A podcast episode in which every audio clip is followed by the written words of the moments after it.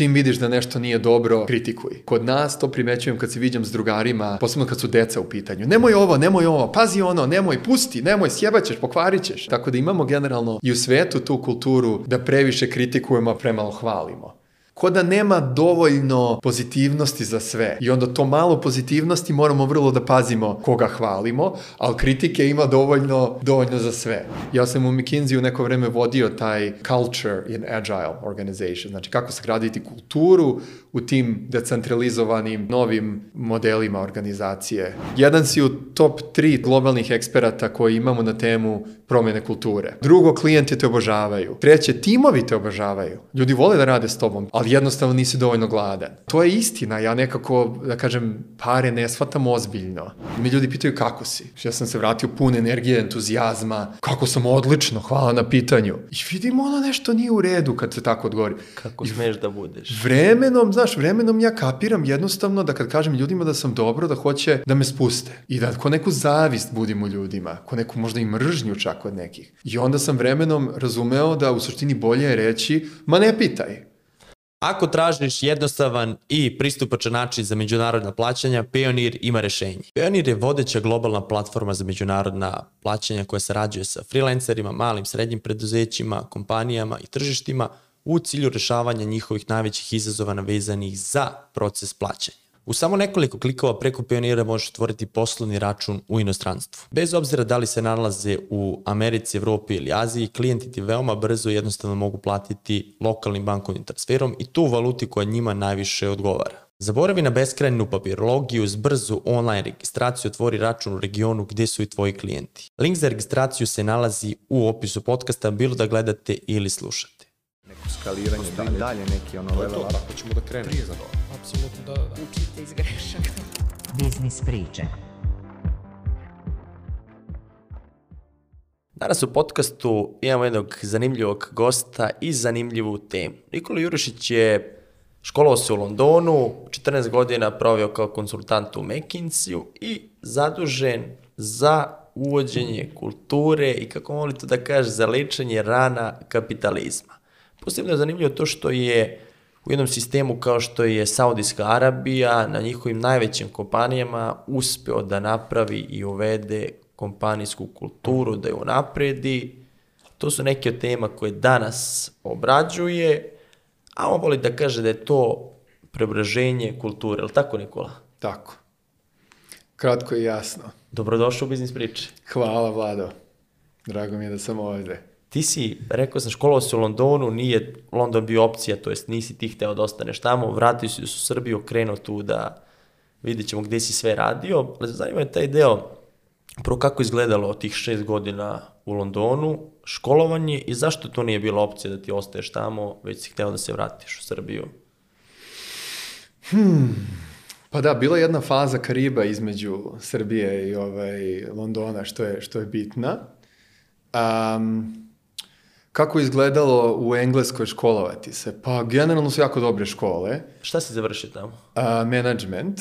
Ja sam baš studirao management na Londonskoj školi ekonomije, koja je, to je bio, tada je taj um, institut tek osnovan, da što inače englesko školovanje je ono vrlo fokusirano, ekonomija, matematika, sociologija, nema tih ovaj, multi, uh, kako da kažem, uh, um, sa, sa raznim predmetima, interdisciplinary predmeta, a ovaj management je bio takav. Tako da sam tu mogao malo da radim i ekonomije i sociologije i na, ra, na raznim temama i pošto nisam mogao da odlučim čime želim da se bavim kad odrastem, taj mi je predmet ovaj, vrlo, vrlo lepo lego. I tvoj karijerni put je trebalo da bude konsultant, neka banka, kao što su tvoje kolege. Pa da, vidiš, ovaj, pobegao sam od toga, ali me stiglo kasnije. Ovaj, tako da, nakon što sam završio fakultet, sam otišao na Karibe gde sam živeo dve godine i svašta sam radio. Radio u real estate-u, uh, vodio restoran um, i uh, eventualno posle dve godine mi je bilo jasno jednostavno da treba da se vratim u, u Srbiju. A šta je to bilo? Ili si imao probleme neke tamo ili... Ne, daleko od toga. To je, kako da kažem, teško je to sad objasniti u rečima, ali sam imao neku vrstu uh, poziva, odnosno spoznaje. One reči kojim su mi se tad javile, nisi ti tu zbog toga. Nisi, nisi došao na ovu planetu, u ovaj život, kako bi uživo na Karibima. I taj život tamo je bio, a, da kažem, bez frikcije, jako lagan, jako prijatan. Nema stresa. Pa da, mislim, sve mi je ono, jako zdrava hrana, lokalna, ribu sam jeo, plivo sam svaki dan, ono, živeo sam pet minuta od posla, imao jako pozitivne odnose sa ljudima oko sebe. Posao I- i snova, je li tako? Pa na neki način, da. I to su bile nekako najbolje godine gde sam imao sve, a ništa nisam imao u smislu materijalno. Radio sam za 3 dolara američka na sat i to mi je bilo više nego dovoljno. Nisam nigde putovo, imao sam sve što mi je trebalo tu. I onda nekako posle nekog perioda je to tako vreme krenulo da se ubrzava. Ja uvek kažem tih zadnjih šest meseci tamo mi je prošlo kao nedelju dana, zato što jednostavno kad nema frikcije u životu, vreme leti. Ovaj, siguran sam da smo svi to ovaj, iskusili kad smo u nekoj dobroj žurci ili provodu, kao gde je prošlo vreme. Ovaj, tako da jednostavno mi je došao taj poziv, moram da se vratim kući. I ovaj, naravno nisam znao šta me čeka, pošto sam ja otišao 89. 90. Prvo smo živjeli u Singapuru, pa u Kanadi, pa u Engleskoj. Da kažem, obrazovan sam u tim nekim raznim, da kažem, po znacima navoda, razvijenim državama, u dobrim školama i onda sam se vratio ovde i video koji je uticaj imao rat 90-ih na kolektivnu svest i to me, ovaj, da kažem, baš onda težak period sam imao kad sam se vratio ovde. I što kaže jedna moja koleginica, kao čekaj malo, ono, ja radim ceo život kako bi mogla da odem dve nedelje na Karibe da se odmorim, a se ti, si, ti se živeo na Karibima i odlučio si se vratiš u ovu rupu. Da izvineš, ne kažem ja da je rupa, nego je ona tad rekla da je rupa. Aj, ono, energetski je bilo jako teško uklopiti se. Jednostavno nisam mogao da razumem, na primer, kad me ljudi pitaju kako si. Ja sam se vratio pun energije, entuzijazma, kako sam odlično, hvala na pitanju. I, i vidim ono nešto nije u redu kad se tako odgovori. Kako smeš da budeš? Vremenom, znaš, vremenom ja kapiram jednostavno da kad kažem ljudima da sam dobro, da hoće da me spuste. I da ko neku zavist budim u ljudima, ko neku možda i mržnju čak od nekih. I onda sam vremenom razumeo da u suštini bolje je reći, ma ne pitaj. Ono, ostavila me devojka, ne znam, probušio mi ovaj gumu na kolima, pokvarena mi kola, plata kasni i onda kao, Povezali smo se. onda, onda možemo da se razumemo. Ovaj, tako da mi to bilo, ako ti možeš da biraš pozitivno ili negativno, zašto biraš negativno? To mi je baš bilo ovako potpuno nejasno. I onda sam se nekako borio da se uklopim u okruženje u koje se uopšte nisam tada ukl- uklapao. Ovaj, I kroz to sam stvarno i mnogo toga naučio. Šta je bilo najteže tu za uklapanje? Pa ne znam, taj odnos sa ljudima, ja mislim. Kad sam krenuo da radim, onda... Gde si prvo krenuo da radiš u Srbiji? Prvo sam, prvi godinu dana nisam mogu da nađem posao, tako da sam po Dža- oglasima Džaba. London i... Džaba sve. Džaba i to što sam ja bio spreman da radim. Bilo šta. Godinu dana sam išao i sam na intervju, šta god je bilo da se radi, nije ni bitno. I na kraju sam dobio posao u Core D magazinu, uh, uh, koji je prvi, jedini naš diplomatski magazin na engleskom jeziku. I tu sam radio prodaju oglasnog prostora, da kažem nekako očigledna startna pozicija, ovaj, gde ako se dokažeš dobiješ pare, ako se ne dokažeš, znaš, ono, Na procenat i... Na, pa da, bila je neka osnovna plata od, na primjer, ne znam, sad 100, 140 evra osnovna plata i onda bilo je tu nekih ono dodatnih na, na procenat. Da, i ovaj, tu je baš onako ovaj, teško bilo uklopiti se. Šta je, šta je bio tu problem za uklapanje? Okolina, Pa- kolege, sistem? Kako da kažem? Tim, koliko je tu ljudi bilo uključeno? E, pa bilo nas jedno 10, 10, 8 do 10. Znači, bio je neki stav, moraš da postigneš rezultat, ali postigneš rezultat na način na koji ja kažem. Uh, I onda nam je gazda dao ovako lead da čitamo formu, uh, pošto smo prodavci bili, jel tako? I on je ovaj, rekao da je on bio u Engleskoj, radi u Engleskoj, to se tako tamo radi i dao nam je lead i morali smo reč po reč da čitamo sa to komada papira. Sad ti zamisliš, pozoveš nekog čoveka e, da mu prodaješ oglasni prostor nekom magazinu za koji vjerojatno nikad nije čuo i ne možeš da odreaguješ na to što on tebi priča s njegove strane, nego moraš da čitaš to što je napisano. Ako ne prečitaš to što je napisano, ponekad je gazda čak i bio u sobi i ono primeti da nije i onda kao moraš da se vratiš na lead. I ti Kao sad kao, ono, pokušavaš, ono, čovek te priča nešto potpuno drugo, ovaj ga se dere ovde. Znaš, i u svo dužno poštovanje, mislim, sve to, ovaj, da kažem, sve te kolege sam volao i volim i, i danas i, i razumem odakle sve to dolazi, ali realno uslovi za rad su bili jako teški. Ja sam u jednom momentu rekao ovako, uh, šefu, vi hoćete da ja od ovog projekta zaradim, bio neki suplement u magazinu za real estate. Vi hoćete da ja od ovog suplementa zaradim da prodam 10.000 evra. Ja ću prodati 10.000 evra, samo nemojte da se mešate. Nemojte uopšte ulazite u sobu. Ako to nećete, ja dajem otkaz. I odlazim. Ali ja preuzimam odgovornost da prodam to 10.000 evra, što je i tada bila jako velika suma. On se složio, na kraju smo prodali za 14.000, ali ja sam nekako na taj način uspeo i tim da motivišem, kao ljudi moramo ovo da postignemo, samo da nam ne bi, razumeš, ono, smetao, pošto to ono, izlaziš s posla, ono, treseš se od nervoze, samo, samo gledaš da napriš neku grešku. Znaš, to je to ono, ovaj, kako da kažem, i posle sam u, u, u menadžmentu, kad sam radio kasnije ovaj, u promeni kulture u firmama, video da ta kultura kritike je jedna od najkancerogenijih aspekata korporativne kulture. Znači ima s jedne strane da je ona kultura hvaljenja, appreciative inquiry, strengths-based thinking, positive psychology, to su neke od ono da kažem domena gde su ljudi na akademskom nivou istraživali da je u suštini 3 do 5 puta efektivnije, efektivnije da ti nekog hvališ za ono što je dobro uradio i na taj način koriguje ono što ne radi dobro, kao u pravcu toga što mu već ide, a ne da ga kritikuješ za ono što ne radi. Ali to ne sandvič, ti odlično si to odradio, ali i sad ide taj deo koji treba da se... Pa, mislim, da, u principu feedback koji je dobro deliverovan može da izgleda, može da izgleda tako, ali ima sad, možemo da uđemo u feedback modele i to je sad ovaj, da kažem, taj sandwich model feedbacka je malo zastareo model. Ako želiš, možemo da uđemo u to, možda bi to i gledaocima bilo interesantno. Kako najmo kad smo već kod, kod te teme. Pa ajde kod feedbacka, da. pa Ovo je, sad, lagano. ovo je u principu jako interesantno. Ja sam, da kažem, vodio te leadership programe u McKinsey u godinama i učio ljude o feedback modelima i tako dalje. Znači, prva tačka, znači ima, ajde da kažemo, pet tačaka.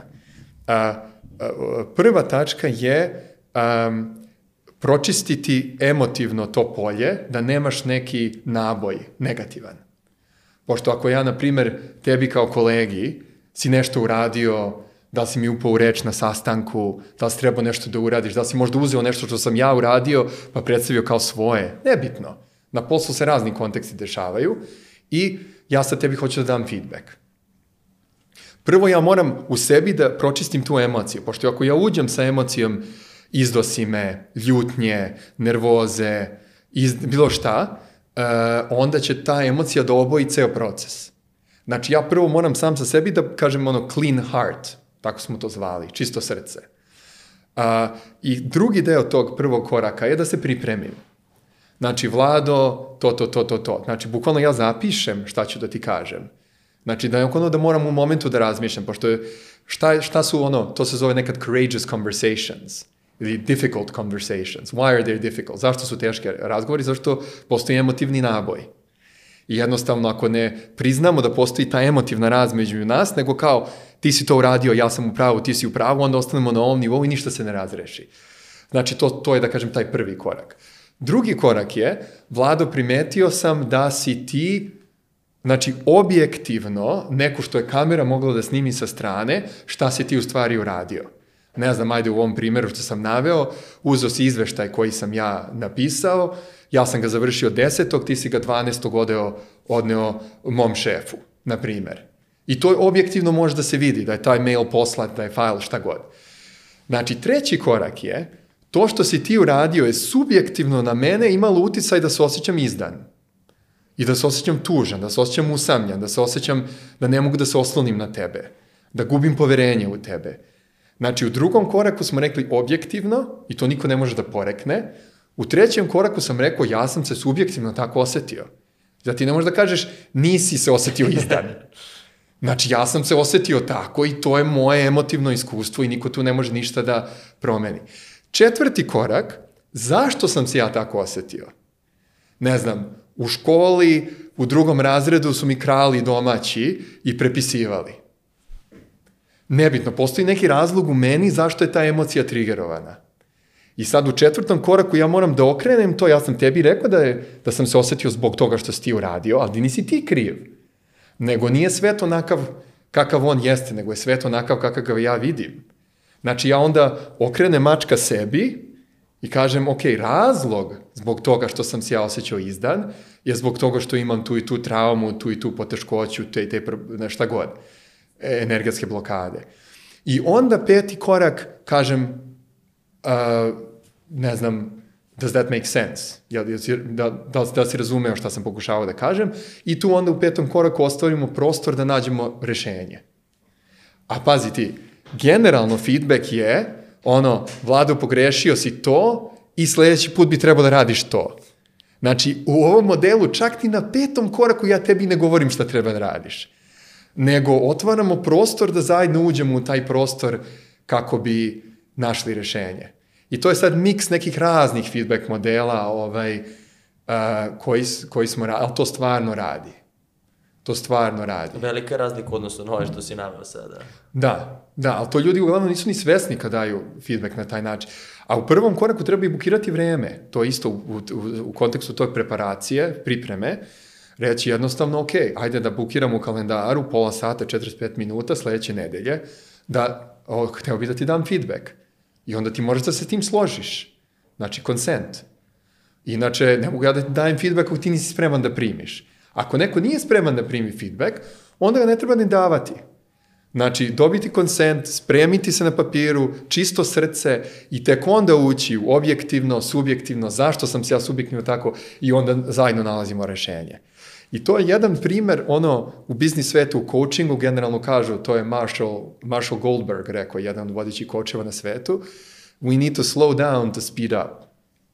I sad ti se čini to kao, čekaj, mi 45 minuta trošimo na neku sitnu stvar koja se negde desila, brate, ono, we have a business to run, ono, moramo da generišemo ovaj, raz, moramo da radimo, zaposleni, ono, ljudi čekaju, zavise od nas, mušterije zavise od nas, dobavljači zavise od nas, moramo da pravimo odluke. A mi pričamo. A mi pričamo o tome zašto sam ja emotivno povređen, zato što si ti poslao neki fajl negde. Znaš, i onda to je odličan primer zato što u tom usporavanju mi se povezujemo na, ne samo na nivou glave, nego na, na nivou tela. I onda ja, ja tebe više mogu da osetim, ti mene više možeš da osetiš, ja te razumem kao čoveka, ne samo kao kolegu. I onda mogu da osetim da me ti osetiš. I da ti osetiš da te ja osetim. I onda kreće ta razmena, jednostavno, to je jedan od mojih učitelja zove kao da imaš oči preko celog tela i na taj način tek, teku informacije između nas. Znači, ne samo teku informacije ovde, nego celo telo komunicira. Jedno, I na taj način stvaramo koherenciju. I sad ako imamo tu odnosnu konferenciju između dvoje ljudi, na taj način onda širimo i tu koherenciju u organizaciji i kad organizacija ima kolektivnu koherenciju, to je onda dobra kultura. To je onda znači kultura gde jednostavno i, i ljudi uživaju da rade i generišu neverovatne rezultate i ono um, jednostavno firma koja privlači ljude gde ljudi žele da rade. A šta misliš o onom modelu feedbacka 360 gde na mesečnom nivou svi ocenjuju sve, to jest kolege sa kojima su bili u nekoj saradnji i treba da se ocene ja tebe, ti mene i tako svakog meseca.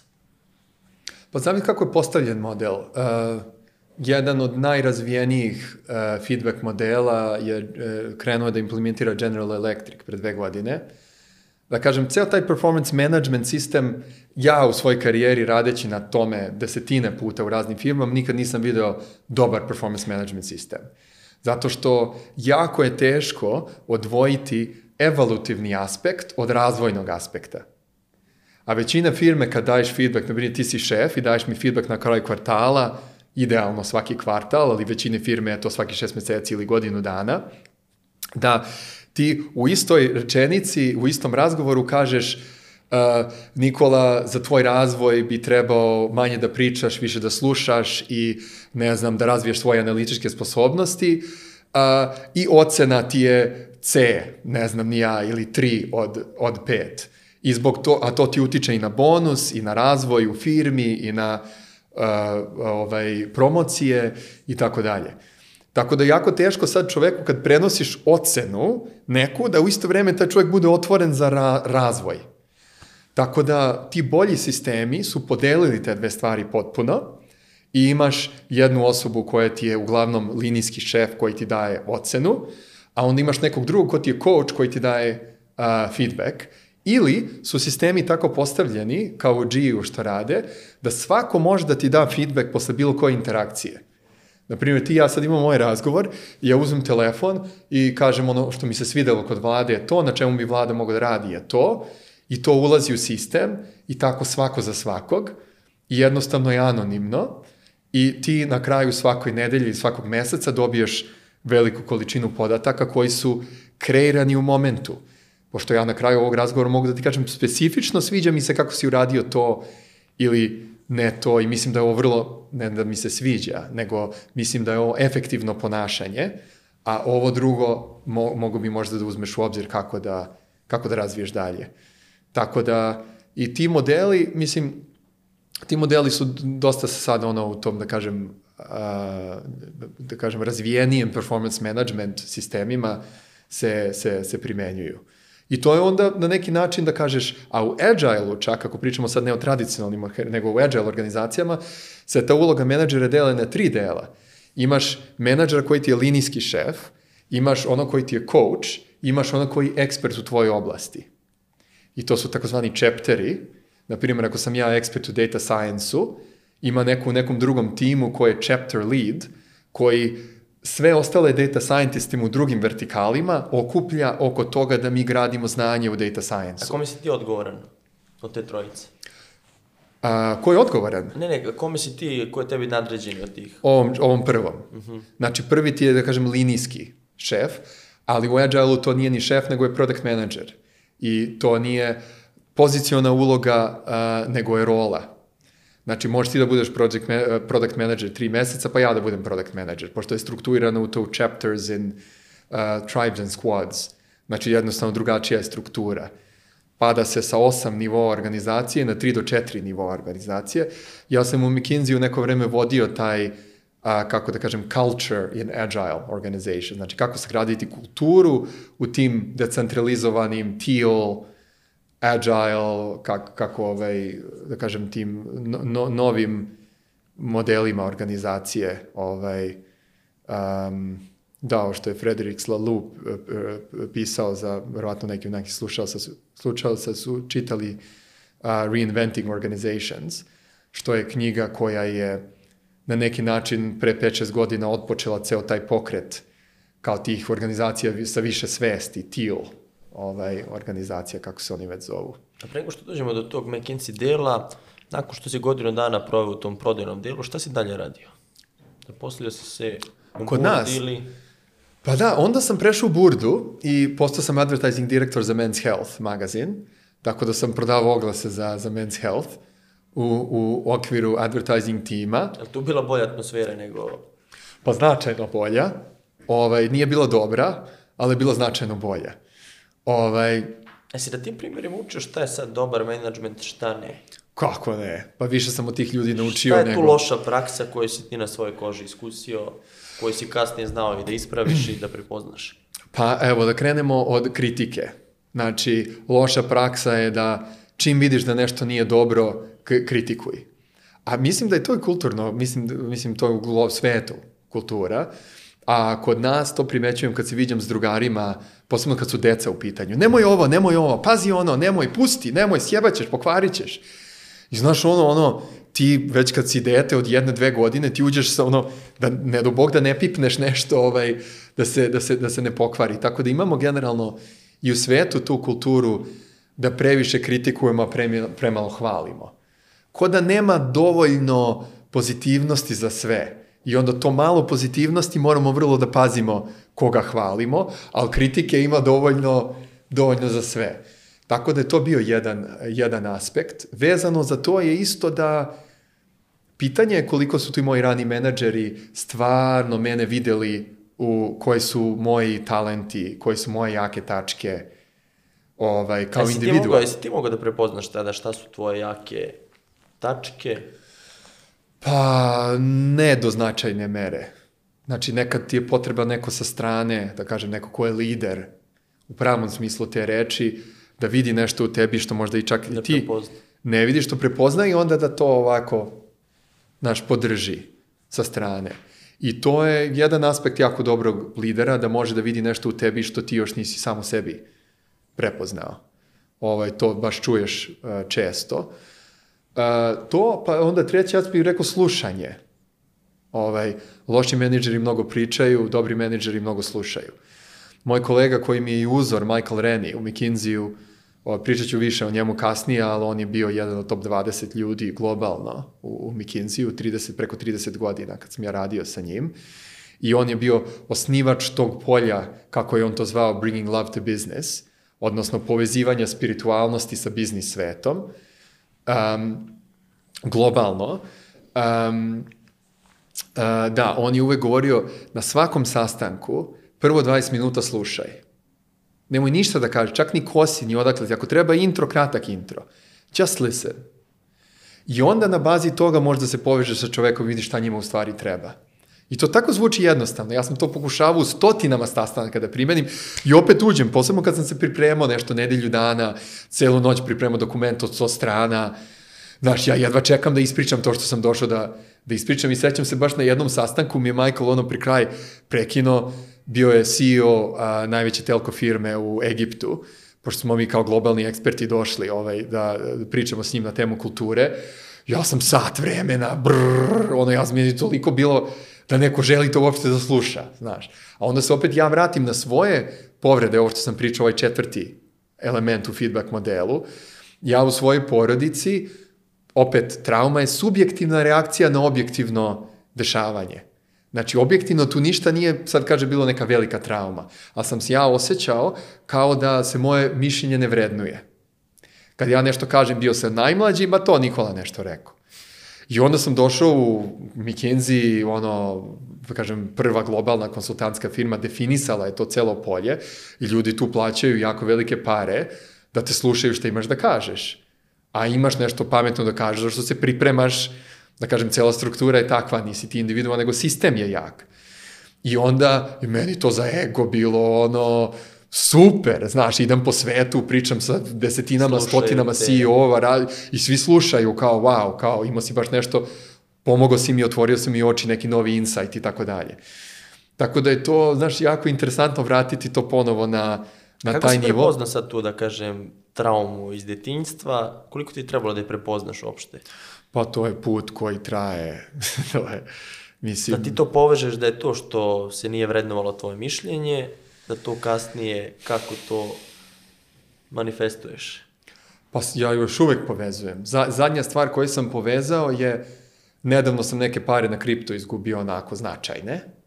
Ovaj, I onda sam se pitao, a i uložio sam u nešto i ti ljudi u koji sam to uložio bukvalno su rekli nećemo da ti vratimo pare. Taj projekat u koji sam uložio se ne nastavlja i te pare koje si ti uložio mi zadržavamo. Rag pula.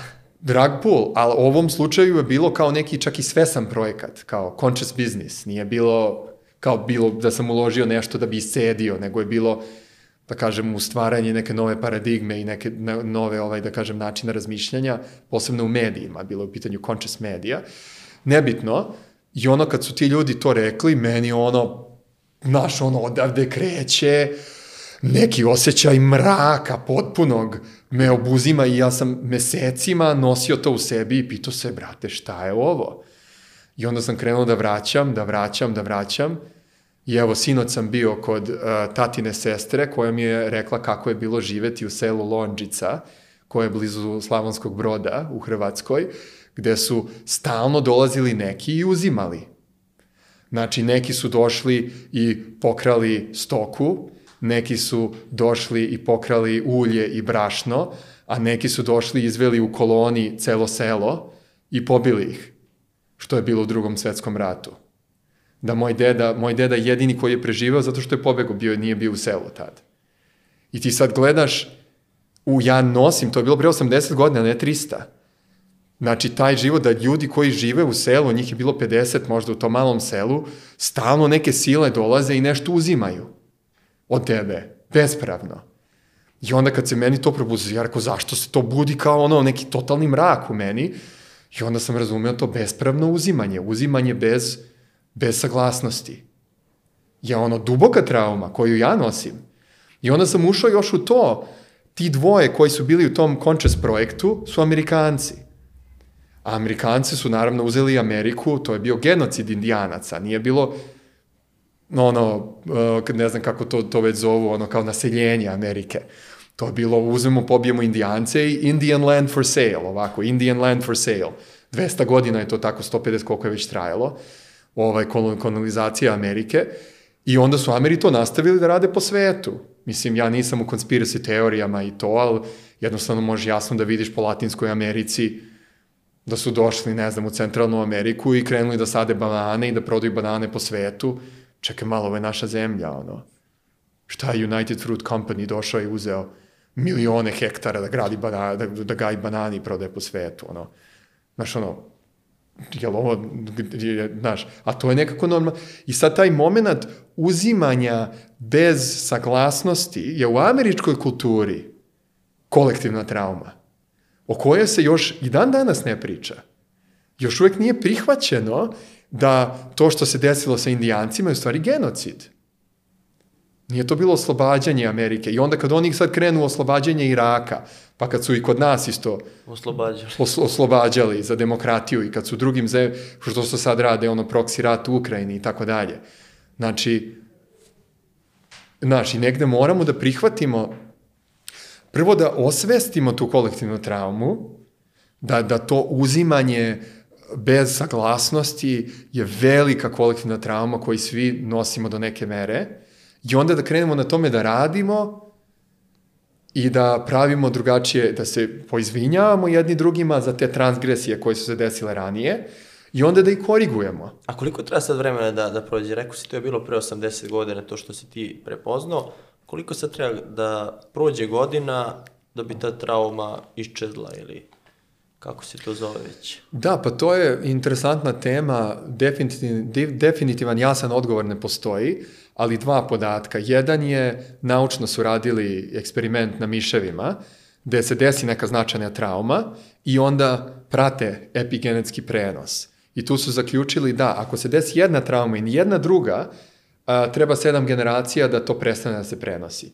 Drugim rečima, ako mi prestanemo da proživljavamo sve te traume koje ciklično vrtimo u krug, da kažem, kod civilizacija, ne samo ovde na Balkanu, treba će nam tipa 200 godina cirka da, da, to, da, da, se, da se više ne javlja kao, kao, ovaj, kao, kao tema. Tako da intuitivno ja bih rekao da to i duže ti koreni se nose ka nazad, ako se na tome ne radi.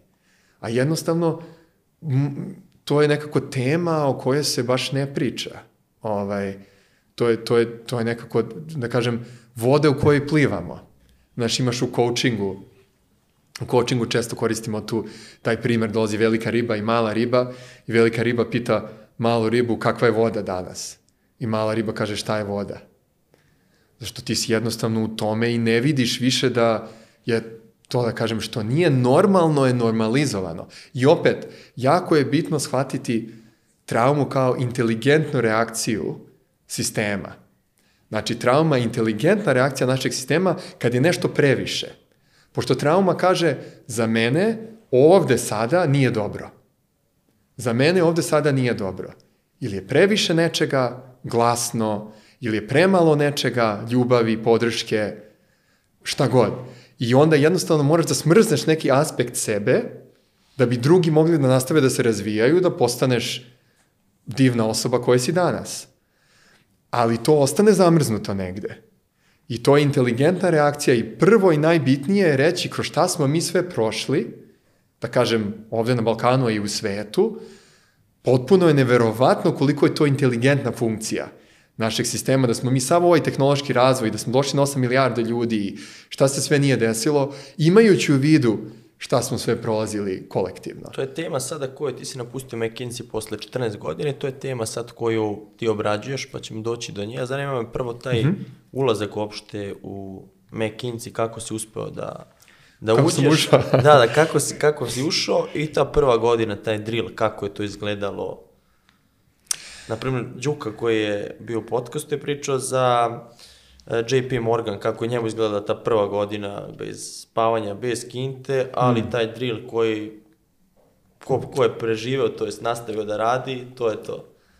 Kako je tebi izgledalo to? Pa prvo, kako sam uopšte došao do toga? 2006. sam bio na jedrenju u Hrvatskoj i tu sam upoznao 20, bio je jedan ceo čamac sa McKinsey Dubai ekipom, njih, na primjer, 16. I onda sam se ja tu ispovezivao s njima, ja sam tad radio u izdavaštvu. Izdavao sam kulinarske tajne i moju lepu baštu i U Burdi. Da, u Burd Lisu i ta, to, tada već bila Adria Media, pošto je Adria Media, da. Bertelsmann je kupio i tako udružio Burdu u regionu i postala je Adria Media. I, i ovaj, ovaj, i oni su nekako se po- povezali sa mnom, bio sam im interesantan iz nekog razloga i kao ajde dođi ti kod nas u Dubaj, McKinsey Dubaj da se intervjuišeš. Bio kao u fuzonu što da ne. Tako da sam otišao u decembru 2006. godine i prošao taj intervju, uh, odnosno taj test. Iskreno ja sam mislio da ću to da, je bilo ultra teško. Imaš neki 30 pitanja, ne znam, ja sad sat vremena, neki case study, sam bio u fazonu, ono, kao, ali sam nekako prošao. I onda su krenuli intervju i to je trajalo jedno 9 meseci, 6-7 meseci. Ovaj, ti intervjue i to je proces, ono, znaš, to je trajalo godinu dana, od početka do kraja sam bio u fazonu, jednom samo mi recite, ja sam ušao, nisam, ne mogu više da čekam, ono, znaš, kada da te izjeda ono, jel jeste, jel nije i to. I onda jako interesantno, dobio sam poziv nezavisno od McKinsey koji se otvarao u Beogradu, od ovog procesa koji sam ja počeo u Dubaju, a oni nisu ni znali da sam ja počeo tamo u Dubaju, da sam već prošao prve faze. I onda je postojalo pitanje da li krenemo ovde, kod nas na Balkanu ili u Dubaju.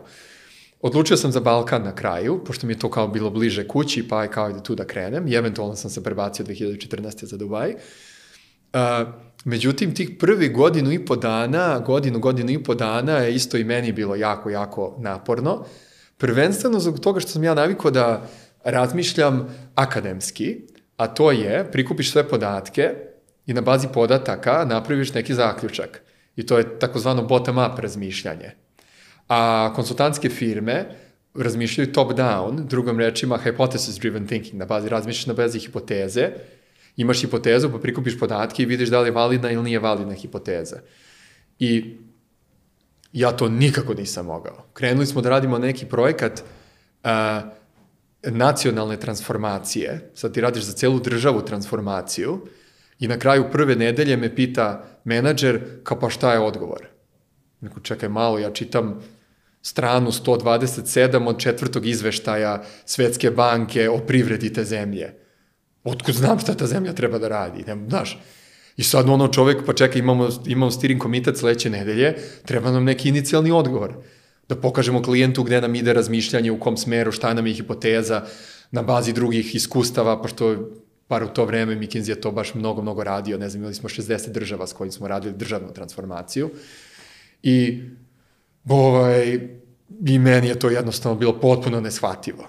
Kako ja mogu sada uđem i ne, ne, nekim čelnicima države posle nedelju dana da kažem šta bi trebalo da bude strategija države, ono, niđe veze, razumeš, vi su za ovo, ljudi su, ljudi su ludi. A posle toga sam imao projekat u bankarstvu, gde smo isto tako radili novi segment, ovaj, u, u banci, isto posle nedelju dana kao idemo da vidimo direktora, kao šta je odgovor. Ja to nikako nisam mogao i meni su posle godina dana rekli, slušaj, ti ili to naučiš ili za šest meseci si out. I meni je, ja iskreno ne znam kako sam promenio način razmišljanja, ali da nisam tada morao da ga promenim, ja znam da ga u životu nikad ne bi promenio. I sada ono razmišljam ono koje su najbitnije tri tačke. I ono krećeš od gore, znači da bi dobio odgovor za to pitanje, treba da znaš 1, 2, 3, hipoteza za 1, 2, 3 je to, i posle razgrađuješ na drugi nivo, treći, četvrti, peti. Peti nivo, zavisi koliko imaš vremena, resursa, koliko imaš podataka i tako dalje. Tako da meni je to bio ovaj slom, ovaj taj ovaj problem solving, kako ga mi zovemo, odnosno bottom up, top down thinking. A koliko se radilo tih prvih nekoliko godina? Prvo, koja je tu pozicija? Ja sam, počneš? Da. To je, ja sam krenuo, pošto sam, kažem, već imao neki 4-5 godina radnog iskustva, krenuo sam na junior associate poziciji, a generalno se kreće business analyst. Znači imaš business analyst, analitičar, pa onda junior associate, associate, senior associate, pa manager, pa onda partner. razni nivoi partnera. Uh, tako da, Kakav je tempo bio, koliko se radilo? pa pazi, meni je tempo u principu bio vrlo sličan a, u Evropi kad sam radio, posebno u istočnoj Evropi je tempo sličan.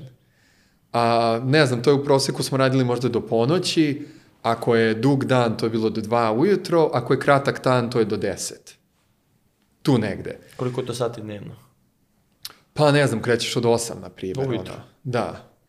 Tako da, ali onda kad sam radio u, u Londonu, to je bilo 23 sata dnevno, dve, tri nedelje smo radili neki due diligence, ali onda sam imao i projekata kad sam radio u Južnoj Africi da smo završavali do 7, na primjer. 7 Znači, u najboljem završiš, slučaju do 7. do 7 završiš kod klijenta, onda odeš večeraš pa još radiš nešto u hotelu. Ali to je možda još, ajde kažemo, 2-3 sata. Znači, to je bio ono najbolji lifestyle. A kako si preživao to? Rekao si da si spavao i sat dnevno. Pa teško. ovaj, ne znam, znaš, telo se navikne. Ljudsko telo je čudo. Nekako, nekako se naviknemo. To tek kad sam krenuo da usporavam, su mi se javili razni bolovi u telu, postao sam svestan različitih aspekata zdravstveno, koje sam jednostavno, jednostavno potisneš. Pa da, ali ja kažem, na koje to staze je održivo, taj tempo? Pa imaš ljude koji rade tako i 30, ja, moji mentori, dvoje, troje njih su preko 30 godina u tom sistemu. Uh, da, tako da... Kakav je to odnos sad između poslovnog i privatnog, kad pričamo o harmoniji? Je li ima uopšte tog odnosa? Pa interesantno je. Jedna moja koleginica ima šestvoro dece i ona je vodila taj Global Organization Practice i ona je nekako uspela to da balansira, ali naravno uz mnogo pomoći. Naš drugih ljudi, nenija, učiteljica i tako dalje. Ovaj, ali realno je jako, jako, jako teško. Znači, meni je reč prošle godine bila prostranost, spaciousness, i pošto imam reč za svaku godinu, sledeće godine mi je srce, i jednostavno u jednom momentu sam video da nemoguće da imam prost, osjećaj prostranosti u životu dok sam tamo. Čak sam neko vreme radio 60%, kao part-time, ali u broju sati je to možda uticalo 5%. Pošto na kraju krajeva i kolege i klijente baš briga da li si ti, ti imaš neku ekspertizu, imaš neku ulogu na timu, moraš tu ulogu da odigraš. A koja je tvoja ekspertiza kasnije bila? Pa ono što Kultura? Me, da, meni su uvek ljudi zanimali i uvek, da kažem, tih prvih 7 godina u McKinsey-u sam razvio toolkit. Radio sam sve živo, 15 industrija, 6 funkcija, ne znam ja, u 30 geografija i to je bilo, najviše sam radio marketing and sales na početku i strategiju i organizaciju. Kažem, to su tri velike funkcije. I onda sam vremenom se fokusivao samo da radim organizaciju, to smo uzeli org, sad se zove uh, uh, People and Organizational Performance, POP, uh, u McKinsey-u, ali ranije se zvao kao org practice, organization practice, i tu sam se gravitirao kao leadershipu i kao kulturi i kao organizational design. Ono, boxes and line, crtanje struktura, procesi i to sam dosta radio. I onda sam se dalje isprofilisao samo za kulturu i onda sam se dalje isprofilisao samo za culture change at scale. A pre nego što dođemo i do kulture, uh, leadership. Mm Šta je dobra praksa, šta si viđao prvo kao, ajde, lošu praksu vođenje ljudi, mm. pa posle da vidimo šta je dobra praksa, baš ono šta si ti viđao i na svojoj koži iskusio, pa posle da vidimo šta si ti menjao tu i primenjivao. Imam, imam do, dobar ličan primer. Ovaj, uh, kad sam radio sa Michaelom, koji spomenuo sam, koji mi je bio mentor u, u firmi, i posle kad, sam, kad je Michael otišao iz firme, on je 2017. Uh, jednostavno bio blizu 60 godina i uh, otišao je u penziju. Pošto tako u McKinsey-u do 60-ih moraš da odeš, do 60 moraš da odeš. Um, znači, rad sa Michaelom je bio jako zabavan, kao prvo, kao drugo, uh, nikad nije postojala bilo kakva kritika ili urgencija, kao da moramo nešto da ubrzamo. Tri i po godine što sam radio sa njim, nikad nije bio taj osjećaj kao da moramo nešto da, da nešto nije kako treba da bude. I jako, jako zabavno bilo raditi s njim i učio sam mnogo toga od njega i tada sam bio deset puta efektivniji. Bukvalno deset puta, samo smo radili stvari koje smo trebali da radimo. I tu smo radili taj culture change za, u Saudijskoj Arabiji, to mislim da do sad nismo spomenuli, to mi je, ovaj, da kažem, bila nekako fokus i ekspertiza. I, I jednostavno, mislim, mi smo se družili vikendom i sve to, ali generalno, čak i kad sam, pazi sad primer jedan, direktor Saudi Telekom kompanije, što je najveća telko kompanija u MINA regiji, i dru, drugi po redu najveći dopri, dopri, do, dopri, ovaj, doprinose budžetu Saudijske Arabije, posle Saudi Aranka, znači ogromna firma, ja zakažem sastanak sa direktorom firme, CEO-om, i zaborim da kažem Michaelu. Za Michaela. I sad ja sam tamo kod klijenta, zove ovaj asistent CEO-a, kao gde je Michael? I je rekao, Michael u Tokiju, jevate. I on čovjek, molim? Kao, a pritom imamo odnose sa tim klijentom, ne znam, 5-6 projekata, nas 40 smo tamo radili u nekom momentu, bio jedan od najvećih klijenata. Ja, ono, brate, nije posle teo CEO da priča s nama, rekao je, nikog iz McKinsey-a neću da vidim. I sad ti zamisli, ja sam neki relativno junior u tom, znaš, tamo, u momentu i ono je bilo, hoću dobiti otkaz ili će neko da me prebije. Bukvalno, to su dve opcije. Postoji treća. Ili oba. Ovaj, I ovaj, sad me zove Michael i prvo što je uradio umro od smeha. On je do 10 minuta se smejao koliko je komično ludačka situacija da svi su ono se digli na noge, ono šta je bre ovo, razumeš ovaj, direktora. šta bre radi onaj tamo. Ovaj, I onda kada je završio da se smeje, ovaj, ja naravno ja sam počeo da se smejem, pošto jednostavno da malo stres pustim od te silne tenzije. I onda smo, i onda smo rekli, ok, kako sad da nađemo rešenje? I naravno našli smo rešenje. On je pozvao CEO, izvinio se, rekao da je bila greda, šta god. I onda posle par nedelja je opustio loptu i nastavili smo da radimo zajedno. E sad... Znači nisu te prebili, nisi dobio Nis, ni jedno ni drugo, nego smo umrli od smeha i našli rešenje. E sad, ti vidi koja je to doza prihvatanja situacija da je onako kakva jeste i u stvari idealna i koje je to razumevanje da je moj nervni sistem na tom momentu bio blizu totalnog kraha. Ja tad nisam mogu da spavam, da, znači ono, to je bilo najgora stvar u karijeri što sam uradio. I sad, Michael koji sve to razume, naravno zna da smeh opušta. I onda sam se ja opustio i kad sam se opustio mogli smo da nađemo rešenje. A dok sam bio ono u strahu i u grču, nema tu rešenja. To je samo ko je kriv. Ko je kriv, šta je trebalo sledeće, kako ćemo da rešimo, znaš, u toj situaciji. Tako da je to ono Michaelov, Michaelov leadership. Čak u tom primeru je i pisao ovaj Rasmus koji ovaj, napisao knjigu Compassionate Leadership kao ovaj, ne znam, intervjuju svoje lidere koji su, da kažem, most compassionate, imaju najveću empatiju na svetu.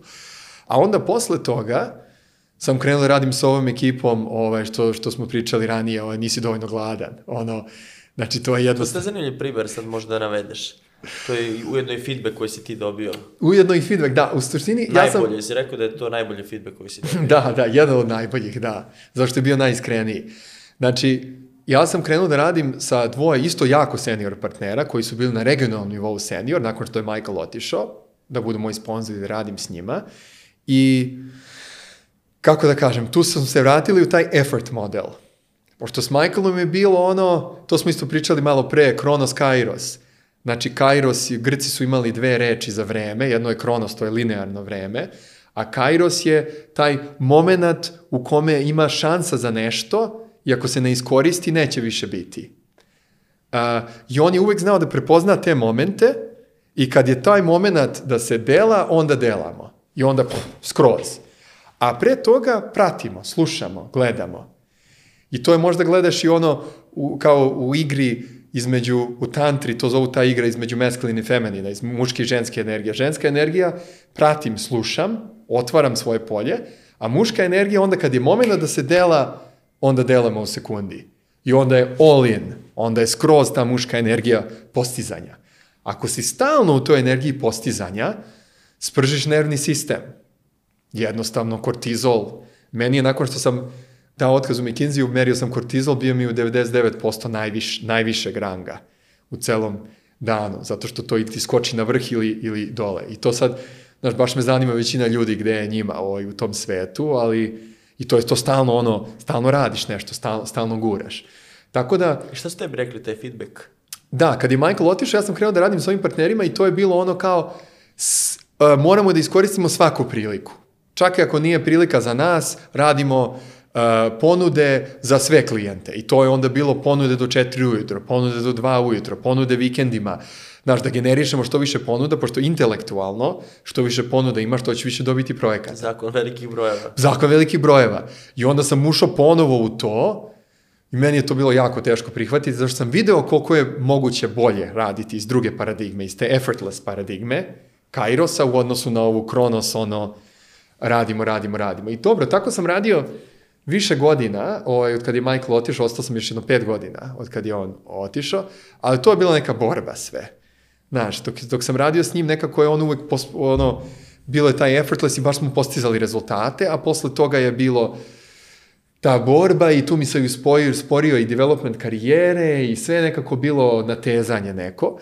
I da, to sam rekao jedne godine, ja mislim na primjer 2019. Trebao sam dobiti neku promociju, nisam dobio promociju i sad mi kolega daje feedback i kaže Nikola, slušaj da ti ja kažem, ti imaš, jedan si u top 3, top 5 globalnih eksperata koji imamo na temu promene kulture i preobržanje, preobržanje kulture, posebno na sistemskom nivou, ako pričamo na državnom, znači na veliki sistemi. A, drugo, klijenti te obožavaju. A, treće, timovi te obožavaju. Ljudi vole da rade s tobom. Bio sam, ne znam, u top 10 ljudi sa kojim su ljudi želeli da rade, pošto to sve prikupljamo informacije i feedback. Umeš da vodiš proces, umeš sve to, ali jednostavno nisi dovoljno gladan. I to mi je bio, da kažem onako, kao konačno mi neko rekao, znaš, ono, a, re- a to je istina, ja nekako, da kažem, pare ne shvatam ozbiljno. Znaš, Šta pare su, znači? pare su bitne, ali nije ono kao, um, kako možda znaš kulturu kada se ljudi uozbilje, o čemu pričaju. A u biznis svetu generalno pričam, kada pričaš o uh, platama, o, o prihodima, o profitima, o rezultatima, tada ljudi podvuku crtu i to je ozbiljan razgovor. Tad ono nema kao, je sad se čaljimo, nego ono, znaš, ono vidiš, to je znači to. Ovaj, a meni je to bilo jedan od faktora. Meni je bio mnogo bitniji faktor, mislim ja se bavim kulturom, znači da gradimo kulturu koje su, kulture koje su koherentne, znači ta energetska polja, organizacijona polja, koje su koherentne na, na, na individualnom nivou, znači lična koherencija, uh, koherencija u odnosu, relational coherence i collective coherence. Znači da jednostavno kad uđeš u organizaciju ti osetiš tu kulturu firme, znači osetiš da nije fragmentirano, da svako vuče na svoj stranu, da su silosi i nego postoji jedna kultura, jedan jezik, postoji neke rituali, postoji, znači tačno možeš kroz jezik da prepoznaš da je to a, a, a, firma, ta firma i postoji jednostavno konzistencija i koherentnost u tom polju. I to mi je bilo bitno i ti, to mi je uvek bio fokus. I sad nije da to nije bitno u konsultingu, ali moraš da imaš i ovaj aspekt da to na kraju generiše rezultate i u nekim konsultantskim firmama gledaju samo rezultate i ne zanima ih ovaj impact, impact definisan kao ovako kako sam ga ja definisao, na ljude, a neke druge konsultantske firme imaju veći balans. Ali generalno u svetu ide tendencija da šta si postigao postaje bitnije od toga kako si to postigao. I vremenom to kako, šta si postigao postoje možda jedino bitno. A kako si postigao postaje sve manje i manje.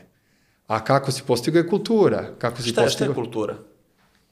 Pa kultura je skup ponašanja. Jednostavno kad je li to uđeš... ista, ista definicija i za tu kompanijsku kulturu, korporativnu kulturu? Da, malo je drugačije od da kažem nije kultura u smislu a, ne znam ni ja Ova kultura koju ti menjaš na nivou da. firme, korporacije, to preobraženje kulture, koja je definicija toga? Danas se dosta priča naša kompanijska kultura, mi imamo tobogan, mi imamo ovo, je to kompanijska kultura ili... Pa dobro, da, to je kao taj Google princip. Pazi, uh, Marvin Bauer, koji je osnivač uh, McKinsey-a, je definisao kulturu kao the way we do things around here. Način na koji radimo stvari. I to kad smo radili, uh, ja sam neko vreme u McKinsey globalno vodio taj uh, element identiteta firme, kako sagraditi identitet i identitet ima tri komponente. Prvo, zašto smo ovde, što je svrha, purpose statement, ESGs i tako dalje. Drugo, how do we make money, kako postižemo rezultate, koji nam je value agenda, koja nam je strategija, koje su inicijative, uh, phases i waves i tako dalje. I business model. I treće je how do we achieve those results, kako postižemo te rezultate. I to je u suštini kultura, način na koji sarađujemo. Um, neko to zove the smell of the place. Znaš, ono, kad uđeš, ono, ka, kakav je osjećaj, kakav je atmosfera u prostoru, ali usko definisano su tu ponašanja, skup kolektivnih ponašanja. Znači, negde je nešto normalno da upadaš ljudima u reč, ne znam, a negde vidiš jednostavno svi s druge slušaju, a, na primer, kultura ima taj aspekt um, zahvalnosti i podrške jedni drugima kad neko kaže nešto, hvala ti što si to rekao, pa se nadogradiš na to, a vrlo često na sastancima svako priča svoju priču ili gura svoju agendu ili znaš, nemaš taj ono element da kažem da se vodi jedan razgovor. I sad od svih sistema, od svih zemalja ti ideš u Saudijsku Arabiju da tamo menjaš nešto u tako originalnom sistemu. Da. Zašto baš tamo i na taj prvi pogled kad kažemo Saudijska Arabija, šta tu može da se menja? Pa da, to je U jako... sistemu od koliko? 25.000 ljudi.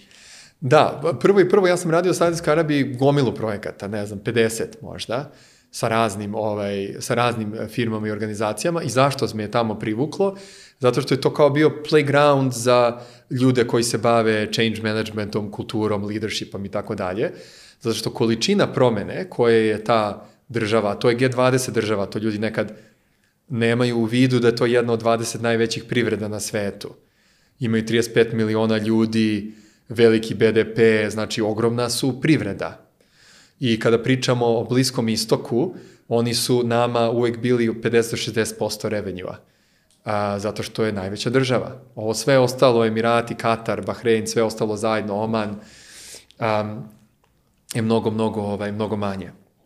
E, tako da jednostavno je država od 20 najvećih svetskih privreda ta jedna u kojoj se dešavalo najviše promene. A kad radiš, ovaj, da kažem to na neki način, promena ti je uh, gorivo za, za, u kulturi, pošto mora, znači, postoji želja da se nešto menja. Ja tu uvek kažem, možda je Saudijska Arabija krenula, ali pričam sad promena i u društvenom smislu, i u ekonomskom smislu, i u socijalnom smislu, i, i u religiju, i u smislu društvenih normi i tako dalje. Znači, ako su oni krenuli negde ovde, a ne znam, Zapad je bio ovde, oni su napredovali ovoliko, a Zapad je možda ostao na istom nivou, ili možda malo napredovao. I sad ti pogledaš deltu, oni su, ne znam, napredovali 50%, a Zapad je napredovao 3%. U smislu količino promene ka nekom progresivnom tendenciju. Zašto su jako, da kažem... Bilo je dosta prostora. Baseline je jako nizak bio. I tako da je to bilo jako, jako interesantno raditi. Ono, prvi put kad sam bio tamo 2008 To ja sam teo da se roknem posle par meseci. Ono, bio sam tamo dva meseca, nemaš da izađeš, nema bioskop, nema kafić, nema galerija, nema ništa.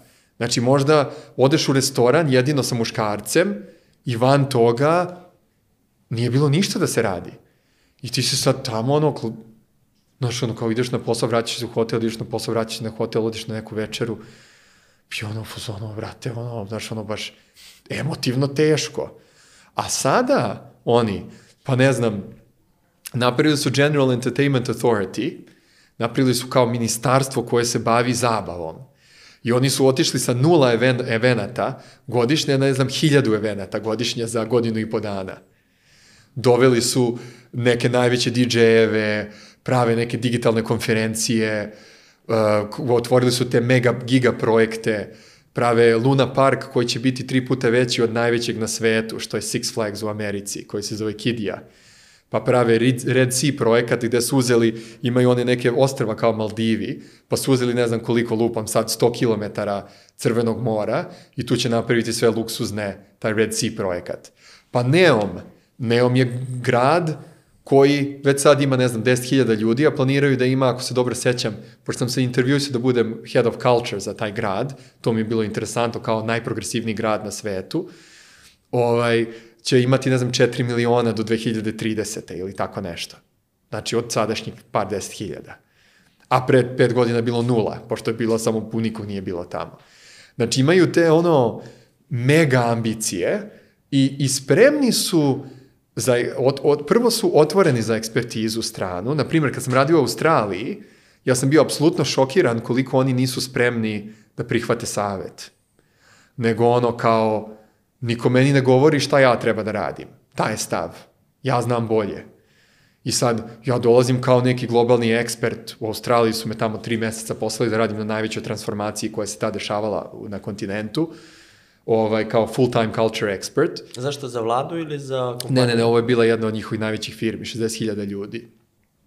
I dajem neke predloge i ovaj chief HR officer zove našeg partnera i kaže nemoj više ovog da mi dovodite ovde.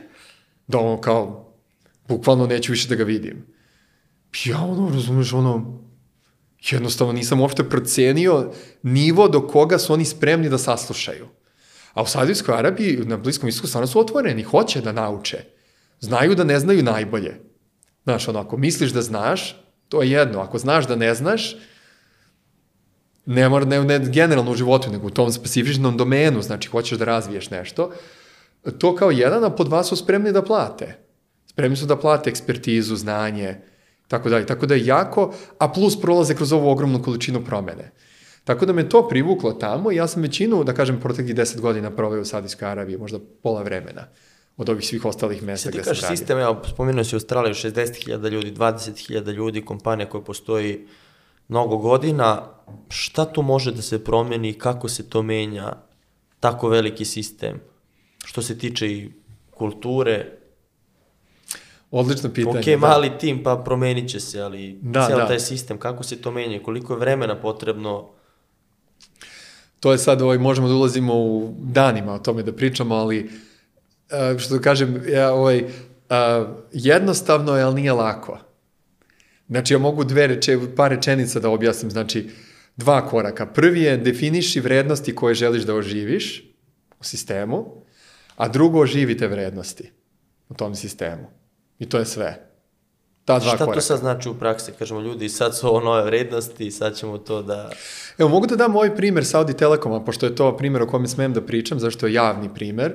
I oni su čak i radili a, one case studies za Michigan Ross, Harvard i druge fakultete na Americi, kako je jedna saudijska firma doživela renesansu kulture. Čekaj, ok, nakon što nastaviš da imaš šta je bilo pre toga i onda posle da imamo posle te transformacije. Da, znači generalno kako je pristup. Um, pa da, u principu se krene sa tom definicijom, znači koje vrednosti, uglavnom firme imaju vrednosti, ali često su to vrednosti samo na zidu. I to čak većina ljudi znaju da, da kažem, nisu vrednosti koji smo otelotvorili, koje živimo u telu, nego su vrednosti koje su negde tamo, korporativne vrednosti.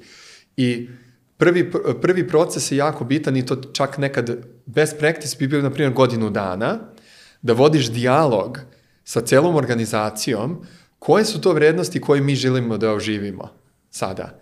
I to je ovaj uh, CEO Johnson Johnsona, pošto Johnson Johnson je jedna od firmi koje imaju, da kažem, deset, decenijama se poznaju kao da imaju dobru kulturu globalno. I 60. godina, ja mislim da je bilo kraj, krajem, krajem 70. godina je CEO Johnson Johnsona rekao imamo taj krido, to se njima zove krido, na jednoj strani ispisano ove vrednosti. I rekli su mi imamo ove vrednosti na zidu, ali ih više ne živimo. Ili ćemo da ih bacimo u kantu za đubre, ili ćemo krenuti da ih živimo. I onda su oni krenuli proces proživljavanja, odnosno oživljavanja ponovo tih vrednosti. Tako da, a taj proces uglavnom izgleda tako što, uh, da kažem, pravi se neki town hallovi, surveys, fokus grupe, razgovori jedan na jedan. Znači, mi pričamo godinu dana. Idealno godinu dana, da. Priča samo.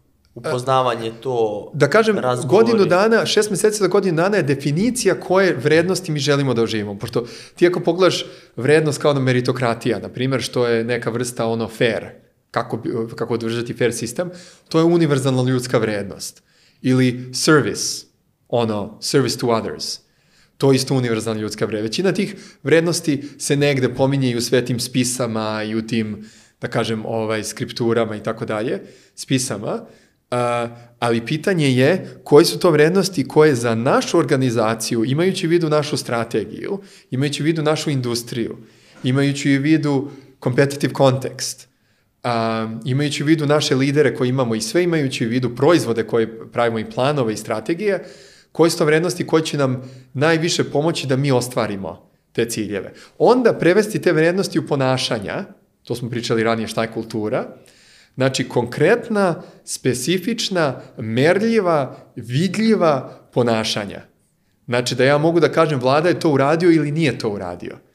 Vlada se zahvaljuje ljudima redovno uh, ili jednostavno nema taj culture of appreciation u sebi i tako dalje. Znači, tu definisati vrlo, vrlo specifično i svaka reč je bitna, zato što organizacija, sad malo ulazimo u teoriju, organizacija rezonira na određenom nivou razvoja i sad imaš različite razvojne lestvice, da ulazimo, na primjer, Ken Wilber i spiralna dinamika je možda najpopularnija. I sad trebaš da definišeš da li organizacija na crvenom, na, na naranđastom, na zelenom, na til nivou i da definišeš reči, rezonance reči, vrednosti na pola nivoa više. Pošto ako su, nije, ako na primjer uđemo sa ljubavlju, ljubav je vrednost, naravno ljubav je vrednost, ali da li će ta organizacija to prihvatiti ili će pre prihvatiti excellence? Ili će pre prihvatiti, ne znam, ja, teamwork ili collaboration ili, znaš, da li će prihvatiti unity ili će prihvatiti teamwork i collaboration? U suštini je isto saradnja jedni s drugim, ali sa koje frekvencije ta reč dolazi u odnosu na frekvenciju organizacije. I sad to prevesti za konkretna ponašanja koja će napraviti najveću razliku u performansama te organizacije. U tom konkretnom. Sad pričam malo iz McKinsey perspektive, ovaj, da kažem iz performance perspektive. Uh, I onda kad definišeš te ponašanja, da se svi slože, cela organizacija, tu smo čak imali, um, uh, kako da kažem, ove kao uh, igre, board games, a, gde smo te definisali vrednosti i onda oni pomeraju Znaš, ono, radimo workshopove, pa pomeraju ova vrednost je viša od ove, pa dopisuju nešto i tako dalje, pa prezentuju jedni drugima. I dok dođeš do, do, do, do, do toga šta, za čim ti ljudi u stvari čeznu, to je ključno pitanje. Za kakvom kulturom ljudi u sebi čeznu kad ono su sami sa sobom. Šta su teli Saudici? Koje su to vrednosti koje su oni hteli da pa zavisi od firme, zavisi od konteksta. Uh, Ali, na primjer, taj njihov Telekom. Telekom uh, je jako interesantno. Krenuli smo prvo sa pet vrednosti. Prvo je bio customer first, inovacija, teamwork, one, ST, ne, one STC. Šta je, je to? One STC je kao njihov teamwork, uh -huh. kao jedna firma. Ne znam, ko je to prvo krenuo? Neko je krenuo, ono, ne mogu da sad da setim, nije bio Google, ali bio, na primjer, One Google, One znaš, kao da smo jedan tim. A, da, da sarađujemo zajedno, pa je bio lead with agility, kao agile, inovacija, jed, jednu sad zaboravljam, i onda su gurali sa tim i onda druge godine CEO primetio, odnosno primetili smo iz istraživanja, da je u stvari zaposleni traže fokus na njih, a ne na mušterije. Pošto da bi zaposleni mogli da se fokusiraju na mušterije, moramo mi prvo kao leadership da se fokusiramo na zaposlene. I onda je dodata šesta vrednost, employee first. I onda su se igrali sa tim kao employee first and customer first. A, tako da jedne godine je bilo prvo employee first focus, pa onda employee first and customer first, pa tek treće godine je prešlo na customer first. A to je jako interesantno, pošto mi merimo te vrednosti, koje su top 10, top 15, top 20 vrednosti u firmi, radiš value survey i onda vidiš da li vrednosti koje ti želiš da oživiš su u stvari vrednosti koje su u sistemu. I onda možda pratiš. I nama isto to bilo prve godine, vrednosti su bile hijerarhija, a, a, slow moving, znači polako se kreće sistem, moć, distanca, a, ne znam ja, strah. U top 10 vrednosti mi je bio strah To su bile realne vrednosti u sistemu kad smo krenuli program kulture. U prvoj godini je jedna od naših željenih vrednosti ušla u top. Ušla u top... Uh... A šta ste radili da bi ušla ona tu? E da, to je taj drugi korak. Znači, vrlo je bitno da se taj prvi korak dobro odradi, pošto ako onda ideš u pogrešnom smeru, sve ovo ostalo što budeš radio u drugom koraku nema smisla ako nisi definisao prave, prave vrednosti i ponašanja posebno. I to zvuči jednostavno, ali nimalo nije jednostavno. Um, I mislim, čisto da kažem zadnja stvar na tu temu, vrlo često ljudi postavljaju to kao sednemo ti i ja i nas petoro za sto i kao ajde definišemo vrednosti za firmu. I kažemo, ok, trebamo, treba ovo, ovo ima smisla, itd., itd.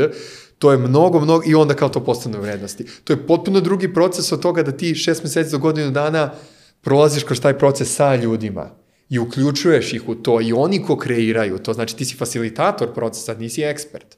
Ti slušaš, a ne govoriš. To je vrlo drugačiji proces ovaj, nego što je ono da, ne znam, da ja sad znam nešto o industriji nafte, pa me pitaš o nekim procesima, mogu da ti kažem koji su ono raci ili šta već. Um, da, drugi, druga faza, onda to ide u talasima. To je jako bitno. I pitao si koliko dugo, u mom iskustvu je potrebno 4 do 7 godina da se desi sistemska promena kulture. U jednoj godini možeš da vidiš veliku promenu u kulturi, na bolje, ali proces nije završen do 4 do 7 godina. Na kraju krajeva to je nešto na čemu se stalno radi na neki način, ali posle 4 do 7 godina kultura može da ti postane core business proces. To je isto jako bitno. Um, ljudi gledaju, na primjer, budgeting ili strategijsko planiranje ili financijsko planiranje ili procurement, supply chain kao core business procese. Ne znam, fulfillment ili tako dalje. Kultura je isto tako bitan proces koji jednostavno moraju da se bave ljudi s njim konstantno i ima određene korake. A koliko je merljivo sa to? Rekli smo sve ove Jeste, ostale merljivo. oblasti, možemo da izmerimo veoma lako, međutim, kako sad mi da merimo kulturu, da li je to uspešno ili nije? Tu ću dati dva ovaj primjera, McKinsey i, i, i Transfiguration Advisory. Nismo spomenuli Transfiguration Advisory. To je tvoja firma koju si osnovao nakon Na, McKinsey. nakon McKinsey, da. Znači, kako McKinsey to gleda, u McKinsey smo to definisali kao organizacijono zdravlje, organizational health. I uvek smo rekli, uvek imaš i performance i health. I najbitnija tu reč je reč i. Znači, moraš da gledaš i šta postižeš i kako postižeš. I onda imamo metodologiju kako merimo zdravlje organizacije na skali od 0 do 100. A zdravlje se razbija na tri glavne komponente. Prva komponenta je alignment, znači pravac, da li smo svi dogovor, da li je jasan pravac svima. Drugi element je egzekucija tog pravca, a treći element je renewal, to je to učenje i stalni update. I u alignmentu imaš koliko je jasna vizija, tako neke aspekte, koliko su jasne uloge, koliko je jasna tvoja uloga u široj viziji, u executionu, egzekuciji imaš stvari kao motivacija, znanja, capabilities i tako dalje. Znači, da li imamo sve potrebne resurse, da li imamo procese koordinacije i kontrole u organizaciji. I renewal imaš stvari kao učenje, uh, saradnja sa eksternim stakeholderima, saradnja sa državom, uh, saradnja sa konkurentima i tako dalje. Tako da to su ta tri elementa i onda se ta tri elementa razbijaju na 37 podelemenata i to se razbija na 120 Da ih ne pitanja. nabrajamo sve. Da, da, razbija se na 120 pitanja. I ti kad pogledaš tih 37 elemenata, kažu, ok, u našoj firmi je jasna vizija, ali a, nije prevedena na lični nivo, šta to znači svakom zaposlenom, znači tu je disconnect, i posle toga ne postoji jasan odnos u performance managementu između truda i rezultata.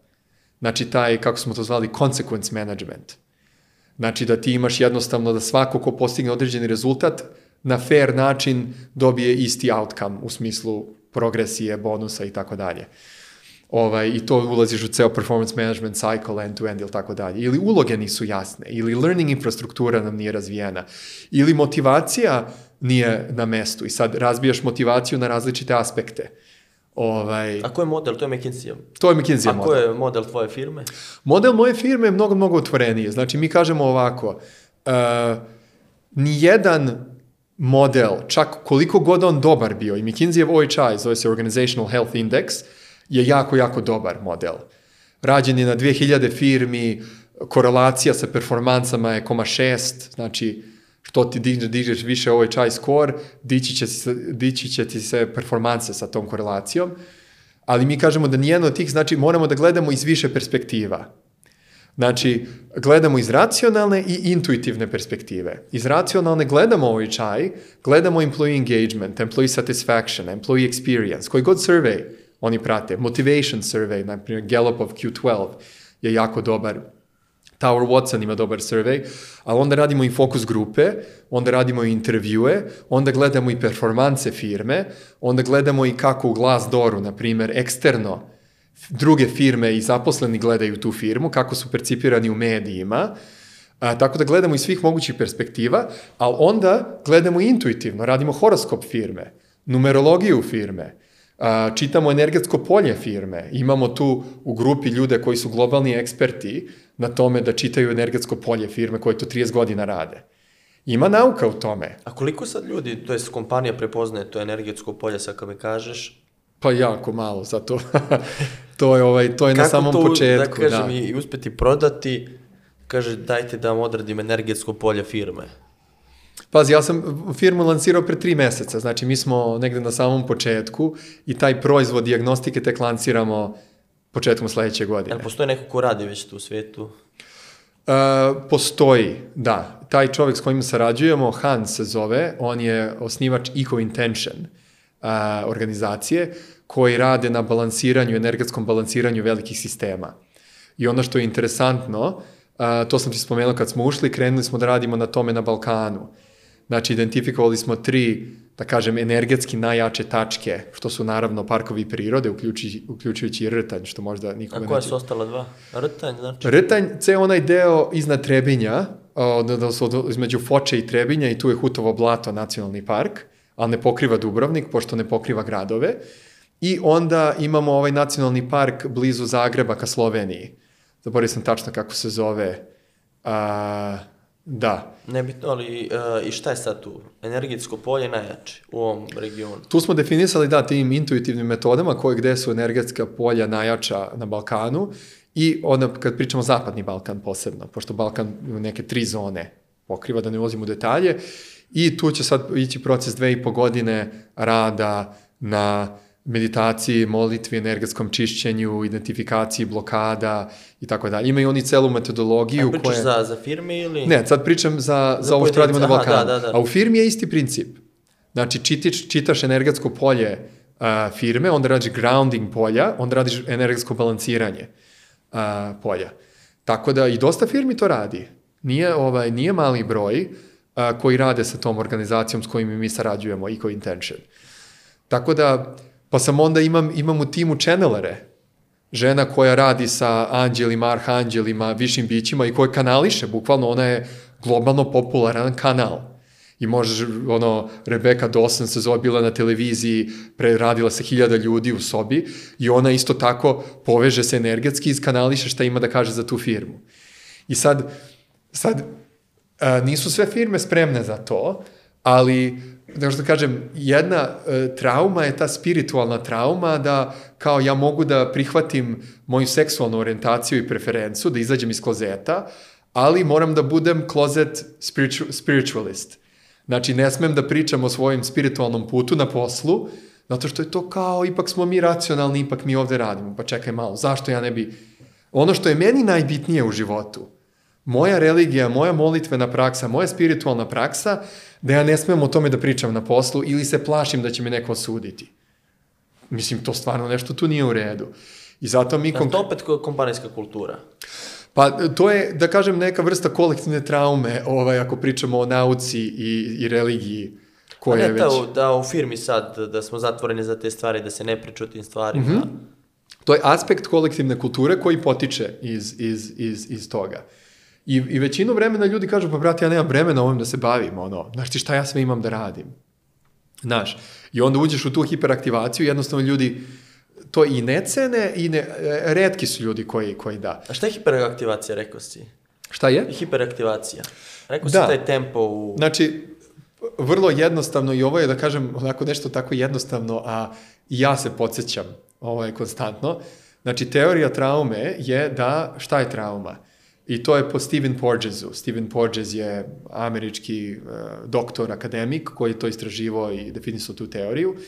Znači, postoje ravni, razni sistemi u, u telu i kad se jedan sistem uključi, to je hiperaktivacija, znači krenemo da se znojim, prošire mi se oči, uh, ne znam, um, ubrza mi se puls, uh, krenem brzo da pričam, jednostavno to je, da kažem, prebrzo. A onda disasocijacija je neki numbing, isključujem se već. Znači, to je klasično, hiperaktivacija je ono fight or flight, uh, a numbing je freeze. Znači, prva naša reakcija je, ako dođe neka opasna situacija kao ljudi, je da pokušamo s nekim da se povežemo. Da vidimo da li sigurno, da će nam neko reći da je okej. Okay. Ako ne možemo da se povežemo i ne možemo da dobijemo tu sigurnost, onda ili ćemo da bežimo ili ćemo da napadamo. To nam je strategija. Ako ne možemo, ili da ne može to da bude fizički napad, može da bude vređanje, može da bude agresija, može da bude verbalno, ljutnja, može da bude kako god kad se probudi to. Ako ne možemo da se izborimo na ta dva načina, onda se zamrzava taj aspekt i ulazimo u ta, tu poslednju friz reakciju. I to on definiše kroz boje.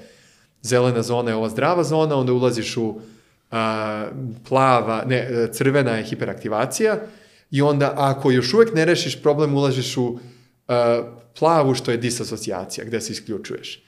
I, I to se sad svuda ponavlja isto. Da kažem, ceo taj aspekt kao, pa mi na Balkanu imamo malo to, ono, samo da se nešto dešava. Znaš, samo da se nešto dešava, pošto ja da budem sam sa sobom, ono u tihovanju, ne, onda mi dolaze razne misli, Jel neprijatno osjećanja. to sad dosadno, na primjer, to sam sam sa sobom, sedim, dosadno mi. Pa dosadno. I onda ne sme da, da. mi bude dosadno, mora nešto da se dešava. Da, i onda ulaziš ponovo u taj ciklus, samo da, ono, ja sam u tome bio, sad, Bogu hvala, sam bolji zato što i meditiram dva sata dnevno i imam svoje neke prakse ovaj, koje mi pomažu da, ovaj, da se malo groundujem, ali ja sam godinama bio u tome, pa završim posao i vikendom umesto da se odmaram, radio sam, ne znam, 18 sati dnevno, 16-18 sati dnevno, vikendom, ne znam, u 10 sati se nalazim s ovim, u 11 s ovim, pa idemo na plažu, pa idemo na, znaš, ono, isplaniram vikend ovako, da mi je sve ispunjeno i samo da ne moram da budem sam sa sobom i onda dođem kući i srušim se. I to mi je, ali to je isto simptom te, te hiperaktivacije. Tako da je... A danas ono, imaš i bio si u Grčkoj na tihovanju, sam sa sobom.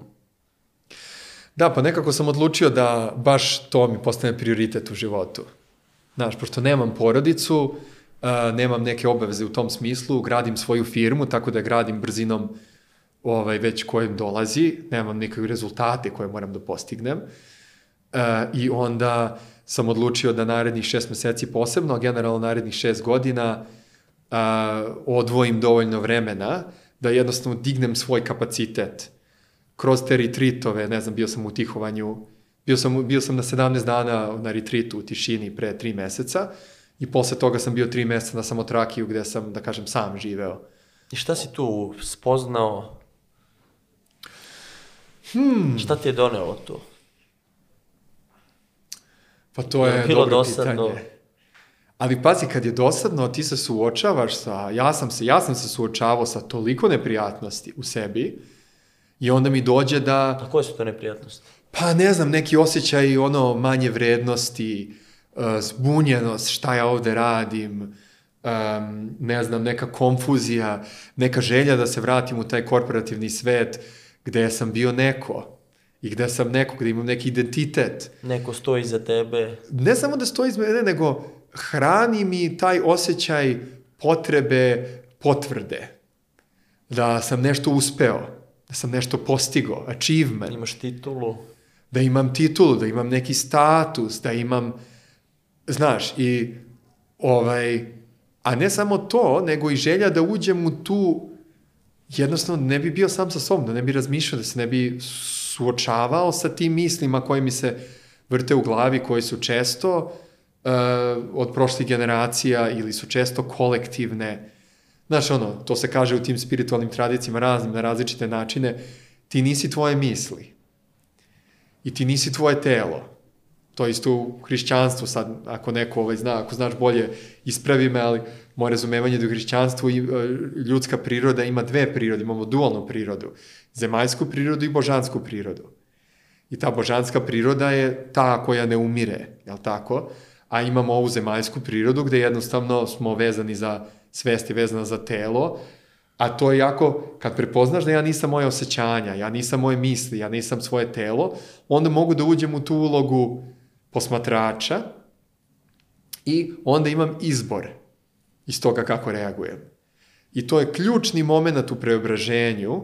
Prvi moment je verovanje da li to uopšte moguće. Da pređemo iz negativno, nije moguće, sve će uvijek biti isto, ma pusti, u to sve je moguće, ali nam je potrebna određena jasna namera i određena količina truda kroz vreme i postići ćemo šta god treba da se postigne. Uvijek dajem primer Dubaja, ono gde sam dugo živeo, gde su par lidera, Šek Muhamed i par lidera imali viziju i oni su u roku 30 godina stvorili tu viziju. I napravili su iz ničega, iz pustinje, jedna od vodećih svetskih gradova. I naravno da nisu verovali da je moguće, ne bi tu ni bili, ali to je prvi korak. Ta vera, na primjer, ako pričamo o Balkanu, da je vera da je moguće da budemo svi u miru i harmoniji da to stvarno to bratstvo i jedinstvo stvarno oživi, a da kažem u pravom smislu jedinstva. I I drugi korak je taj izbor. A da bi napravio izbor, to je Viktor Frankl, ne znam da si naišao na... Da. On je to najbolje opisao, da između stimulusa i reakcije na stimulus postoji prostor i u tom prostoru je naša mogućnost izbora i u toj mogućnosti izbora leži naša sloboda. I to je ključ kako se odvojiti od svih tih, na primjer 90-ih, ne znam u, ka, u kojoj si godište, da li si to pratio, ali kad je krenulo ono a, rat i sve to, to je kod da su se nekako emotivni sistemi probudili. Nije to bilo sad kao racionalno, idemo mi u nego je to bilo us, ustaše, četnici, va, emocije, uh, ovako, i odjednom, ono kao iz tog prostora, tih pobuđenih emocija, odma je moguće da ti ideš u rat. A inače bi normalni ljudi rekli, pa čekaj malo, brat, ja imam život, ono, te da idem da ubijam sebe, druge ljude, to je horor. Ko što Balašević kaže, samo rata da ne bude. Mene ta pesma baš rezonira. Sve okej, okay, sve okej, okay, samo do toga da ne dođe. I ne znam šta sam čitao, ovaj, ekonomski podaci, šta je bilo 2005. Da naš ekonomski razvoj 2005. Srbija konkretno je bio na nivou 1968. godine. Koliko nas je to unazadilo? Ovaj, ceo svet, mislim, ja sam tad po svetu studirao ekonomiju, menadžment, konkurentnost, kako svaki šraf zavrnuti, kako biti bolji od Japanaca, Toyota, lean manufacturing, Kaizen, Kanban, ono, znaš, sve to, a ovde ono, znaš, ono, neki potpuno drugi, znači, to je to kad ta emo, emocija preuzme, ti više nemaš kontrolu nad tim. Ako nemamo taj kapacitet, i zato svi u svim tradicijama kažu neka vrsta tihovanja.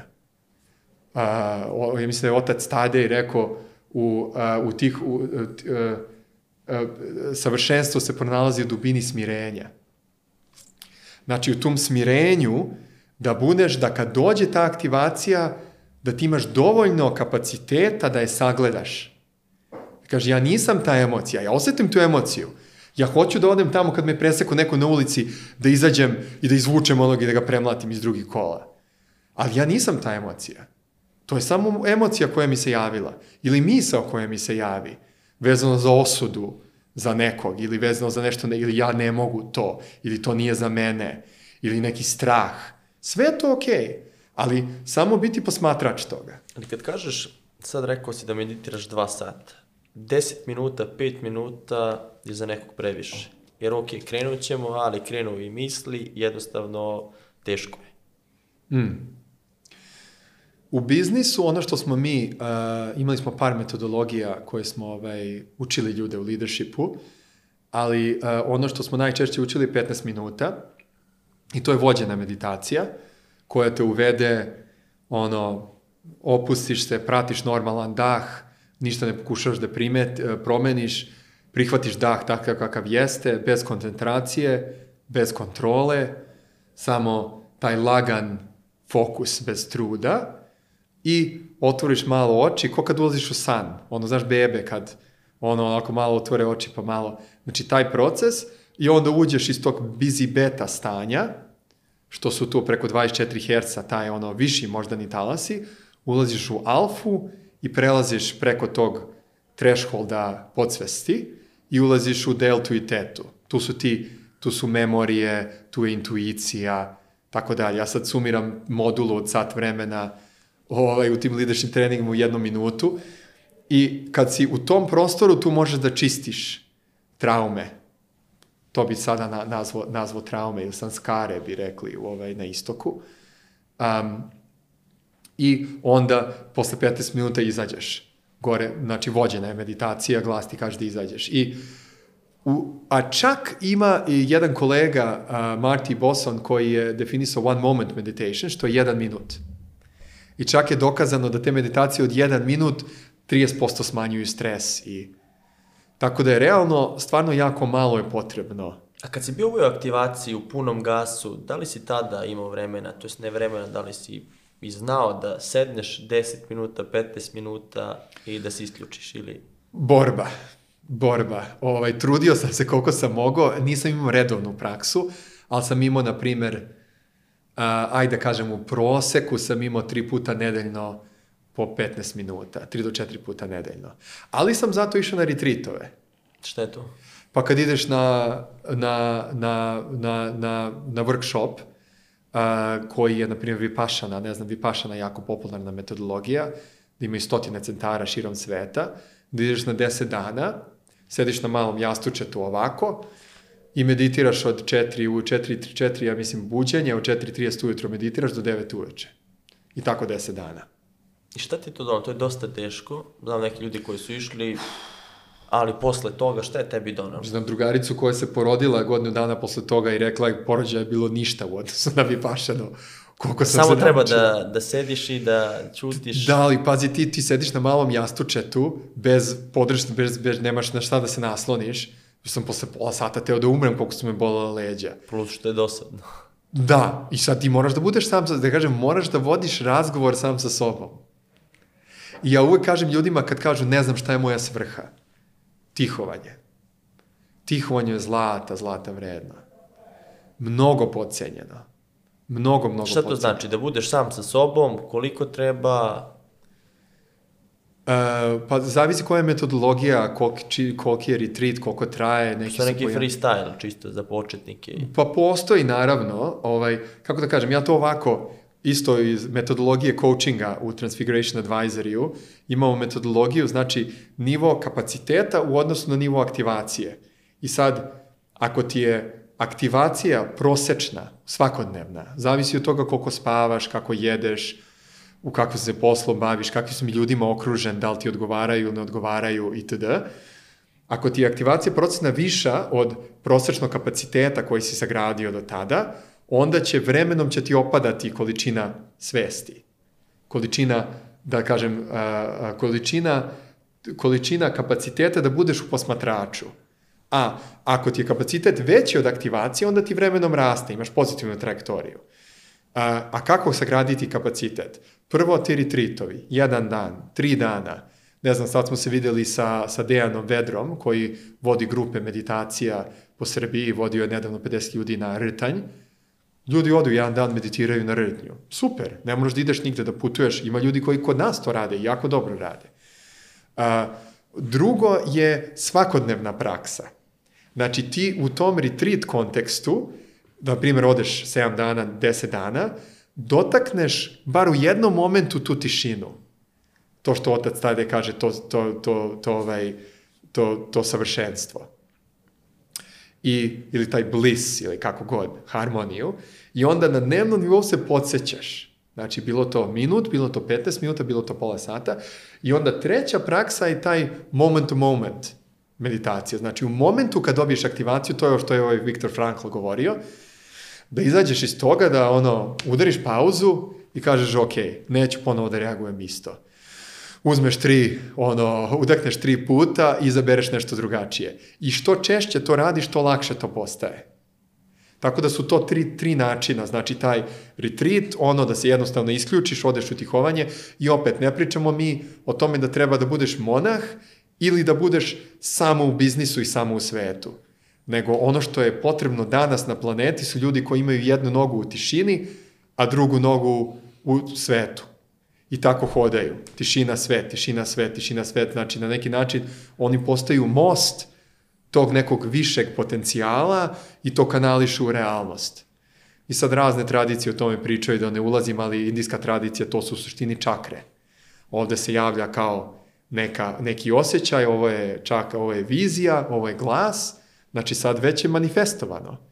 Ovde već nije manifestovano, ali sad kad prednosiš u glas, mislim, nije materija još uvek, ali možeš da me prepoznaš da se čujemo. Znači, i onda kroz srce to kanališe dole u niže čakre, što je manifestacija u materiju. I to je ta ideja u suštini vrlo jednostavno da smo mi kao ljudi a, a, tu da prepoznamo lepotu u materiji i da divinizujemo a, da tu neko božanstvo koje, može, koje možemo da se povežemo, to prenesemo u, u, rea, u realnost. I, i, to, I to je liderstvo. To je liderstvo koje se traži danas, znači lideri koji su u integritetu, prvo sami sa sobom. I, ali ne možeš da budeš u integritetu sami sa sobom ako si, sam sa sobom ako si stalno u aktivaciji. Jednostavno izgubiš tu vezu u nekom momentu i počneš da se vezuješ za KPI-eve i počneš da se vezuješ za rezultate, počneš da se vezuješ za status, a ne za ono da, da kažem, taj unut, unutrašnji glas. I to je na neki način po meni možda i najveć, najviš, naj, kako da kažem, efektivnije rešenje, kad bi svako od nas imao praksu, i nebitno to, idi na selo, ono, dan meditiraj, uzmi jedan dan u kući, u, u stanu, jednostavno pogasi telefone, spremi klopu, uglavnom dva obroka, tri obroka, koliko god dnevno i taj jedan dan samo budi u tihovanju. Ne treba ti nikakva praksa, ima praksi sto i možda i headspace. I... Baš da, i aplikacije prakse, ali kod nas je to i dosta upražnjeno mišljenje o masi da je to sektašenje, meditacija, ti slušaš nešto, Idi na Hilandar, ja sam bio na Hilandaru pet puta, jedno sam i služio tamo. Idi na Hilandar na dan praznika, ustaje se dva ujutro, moli se od 2.30 do 7, pa onda slobodno vreme, radi se u njivi ili već, ja sam u maslinama radio, pa onda posle ima popodnevna praksa, ručak, pa, pa, pa večernja, ne praksa, nego molitva i večernja molitva. I to je isto. Znači, Dobar, sad smo bili u manastiru preobraženje, to mi je bilo interesantno, pošto se moja firma zove advisory firma za preobraženje, pa smo baš ovde bili ovaj, tamo ovaj, u manastiru preobraženje, isto u roku bili smo na, na, na službi dva sata i ta dva sata je bilo više nego dovoljno da svi mi oseti se jednostavno, ne samo ja, nego svi ljudi koji su bili, bili su i klinci, bio jedan klinac od 3-4 godine i stariji ljudi, to tišina jednostavno. I onda se kreće iz te tešine. Imamo mi prakse u našoj ovaj, i crkve, imamo mi praksu u, na našoj, sve to nije daleko, svako ima pristup. Ne moraš, ako nećeš, ako, ako ne rezoniraš sa aplikacijom, onda imaju i crkve, i manastiri, i službe, i jednostavno najbitnije je to tihovanje. Da kažem, to je pojnta da ti, i onda u tim, u tim dužim, ne znam, nedavno sam bio 17 dana, što je najduže što sam bio. Hteo sam da idem u februaru 49 dana, ali nisam ovaj. Pazi ti sad to, ja hoću da idem 49 dana tihovanje i ne mogu da nađem mesto zauzeto. Jednostavno... Kako su to mesta, neka specifična ili... Da, da, to oni već godinama imaju to pra kao u, pla, u planini negde odvojeno daleko i donose ti hranu dva puta dnevno i odvojen si od svih i tu si u meditaciji i u samovanju 49 dana. A zašto 49? Postoje pa, ne znam iskreno. Da, zašto konkretno ta praksa je 49 dana, ali uglavnom su jedan dan, tri dana, sedam, 10 dana, 17 dana i 49 dana. Zavisi kako koja je praksa. Uh, ali na, Hilandar svako može da ode tri dana ovaj, bez da služi. Ako ideš na posluženje da služiš tamo, možda ostaneš i duže. Ja sam imao neki prijatelji koji su mesecima ostajali dole, ovaj, koji čak ni nisu iz ovih prostora. A u kom trenutku si ti spoznao sad iz tog kapitalizma, tebe zanima i spiritualnost i da hoćeš karijeru da pokreneš mm. u drugom smeru, pa ćemo onda da dođemo zašto si dao otkaz i napustio McKinsey. Da, Hvala na pitanju, mislim to je proces, ali mo, ključni moment je bio 2012. godine, kada sam jednostavno, uh, nije mi više uopšte motivisalo da radim samo intelektualno. Znači ja sam radio to već celu karijeru i edukovao sam se za to i radio sam već tad 5-6 godina u McKinsey-u, te projekte, strategije, marketing i sales i to i bukvalno sam došao na momenta gde nisam mogao još jedan projekat, jednostavno izgubio sam svu motivaciju. I onda sam krenuo da, a to je ono klasično, znaš, isto kad gledaš Mazlova, Prva čakra je sigurnost. Ok, imam krov nad glavom. Ok, druga čakra je odnosi sa ljudima. Imam osjećaj da sam u dobrim pozitivnim odnosima sa ljudi koji me vole i to. Treća čakra je postizanje nečega u životu. A, uspeh, achievement, success, excellence, best practices, znači te vrednosti. I to sam onda prošao u McKinsey-u, ovaj, gde sam, da kažem, na neki način postigo nešto u čemu sam ja bio među najboljima. I onda dođeš u fazonu, pa je to to, kao? Hoću ja samo da ponavljam ovo do kraja života. Prešao igricu. Da, došao sam tu i sad žena posao, ovo do kuće, posao, posao, kuća, ali će tako biti do još narednih 50 godina i nema ništa dalje. I onda, I onda ulaziš u taj četvrti u tim modelima, odnosno self-actualization po Maslowu, po Beretu je to nivo transformacije, četvrti nivo, gde ulaziš jednostavno u to, gde krećeš u razvoj, krećeš da se pitaš je li ima nešto dalje i tako dalje. Onda se otvaraš ka tim, da kažem, višim čakrama, odnosno višim, višim, višim ovaj, idejama, gde jednostavno kreće da ti gubi smisao samo ovo materijalno i kao to u krug. Uh, tako da sam ne, nešto slično doživeo u tom periodu i jako interesantno da sam onda ostao u McKinsey-u 12. 13. 14. i tu stvarno želim da se zahvalim par kolega koji su me mnogo podržali u tom periodu, pošto sam ja u tom periodu postoji, uh, ne znam, uh, facilitator transformacije i life coach sa ICF-om, odnosno Ontological Coaching Newfieldom i bio na tim vipassanama i ne znam, u Rinzai Zenu sam učio i sve živo bio na Hoffman procesu, šta god sam mogu da nađem od tih nekih spiritualnih disciplina, nešto što je duboko drugačije, pa sam u Italiji bio u Damanhuru tri godine uh, da se edukujem kao spiritual healer, kako bi to zvali, spiritualni isceljitelj, I sve živo, šta god sam mogu da nađem, sam, sam rečito knjige, pričao s ljudima. I u te tri godine, da kažem, neke moje lične transformacije i učenja, u McKinsey-u moje performanse su pale mnogo. Meni su trebali da daju otkaz posle godinu dana. Nisi bio, znači, gladniji, nego si ono što su ti dali feedback, da, da nisi dovoljno gladan i ti si još Ne, to je kasnije to. bilo. A to je kasnije, ali To je kasnije, da. povezano je generalno sa tim, da si ti otišao u Pa neku drugu. povezano je, da, da, ja nisam nisi nastavio- grizao. Pa upravo, da, nisam ostao tu da grizem, nego sam pratio neki svoj put. Ja sam jako zahvalan zato što Ti nisu dali otkaza. Nisu mi dali otkaz, a to mi jednostavno omogućilo da ja financiram taj period, pošto je sve to bilo jako skupo. I ja sam održavao neke minimalne performanse tu, ali realno iz nekog, neke perspektive. Ja sam efektivno došao do tačke da sam dobio otkaz tu, uh, ili ja bio jako blizu otkaza, i onda je ovaj kolega, ovaj Michael Rennie i drugi, da kažem, počela neka druga faza. Ali, uh, da, da se vratim jednostavno na pitanje, u tom nekom periodu, uh, jednostavno sam, sam, sam spoznao da postoji nešto više, nešto dalje i ovo samo materijalno mi izgubio smisao i onda sam se na to fokusirao, na dalje. A posebno ono što ja to zovem Project Light, nema nikakva inicijativa, nego ta, ta ideja da isceljujemo kolektivnu traumu na Balkanu kako bi mogli da sagradimo, da oslobodimo energiju s kojom bi mogli da sagradimo društvo zasnovano na univerzalnim svetskim vrednost, ljudskim vrednostima, mi se javila negde 2013. u nekom dubokom procesu ovaj, sa, sa mojom učiteljkom u to vreme i uh, nekako mi je to postala onda zvezda vodilja. Onda sam se vratio u McKinsey sa namerom šta ja mogu iz ovog sistema da naučim, da mi pomogne kad se vratim na Balkan. I ne ja, to je grupa ljudi, to mi se isto isk... jedan učitelj mi je rekao, Nikola, nije ovo priča da si ti sad martyr ili da ne, mislim, ovo je grupa ljudi koji će se okupiti oko te ideje da zajedno jednostavno moramo da radimo na tim energetskim temama koji nas vuku nazad, kolektivno, koji će onda osloboditi energiju kako bi mogli da idemo dalje, kako bi mogli jednostavno da um, kreiramo društvo koje je kreativno, inovativno i da ne ponavljamo. Na čim se nešto ponavlja, to je neka vrsta traume, pošto inače inteligencija dolazi od gore i uvek je nešto novo i sveže. Ako nemaš osjećaj da je novo i sveže, onda je negde trauma nešto blokira. Opre sam za, propustio da te pitam kad si pričao o kulturi, mm -hmm. dobre i loše prakse u svetu, koje su kompanije poznate po mm -hmm. dobroj kulturi, koje su loše prakse, kroz neke primere da vidimo.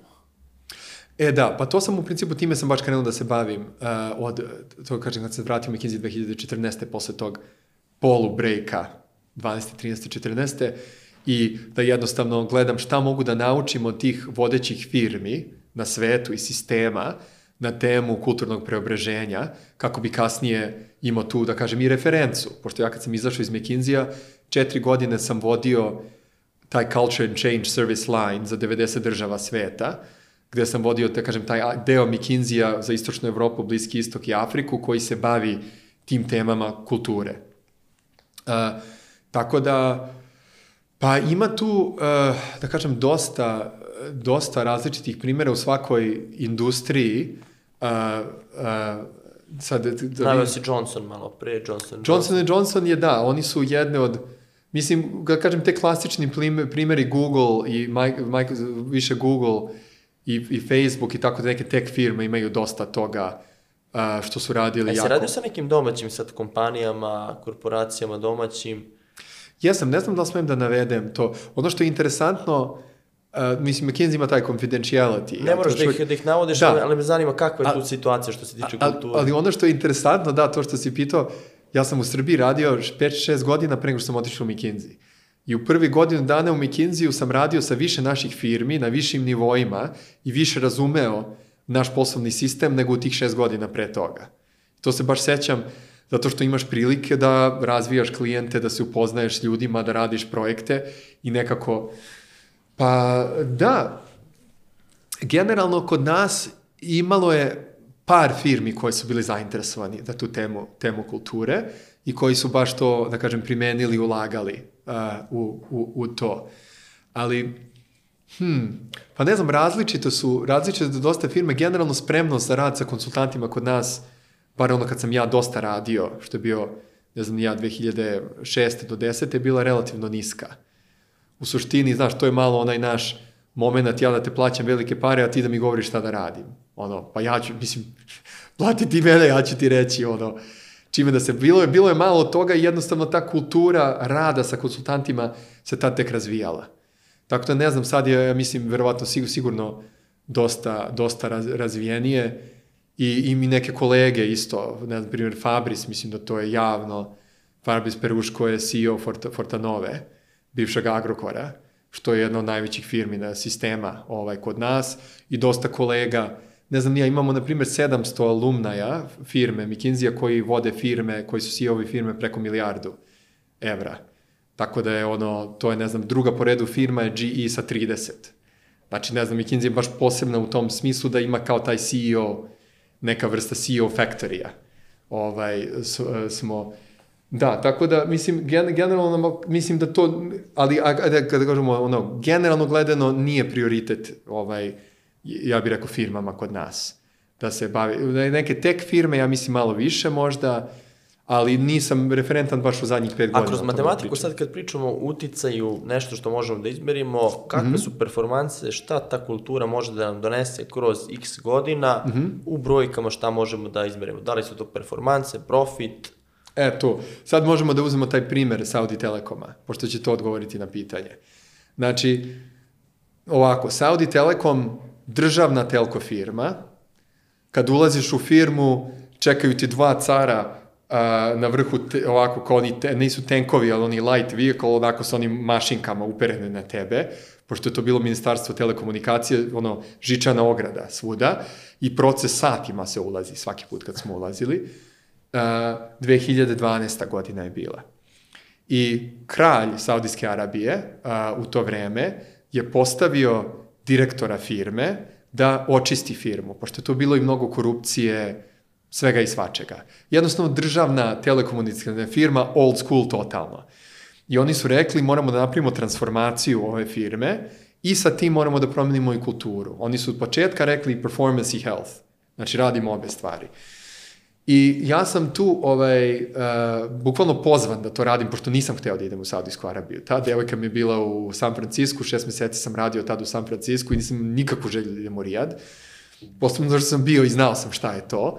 Međutim, ono, kako to već ide, kad ti je nešto zapisano, ono, to ti je zapisano i pojavio sam se tamo 2012. krenuo da kao menadžer radim uh, na tom projektu. I znači, to je bio kontekst.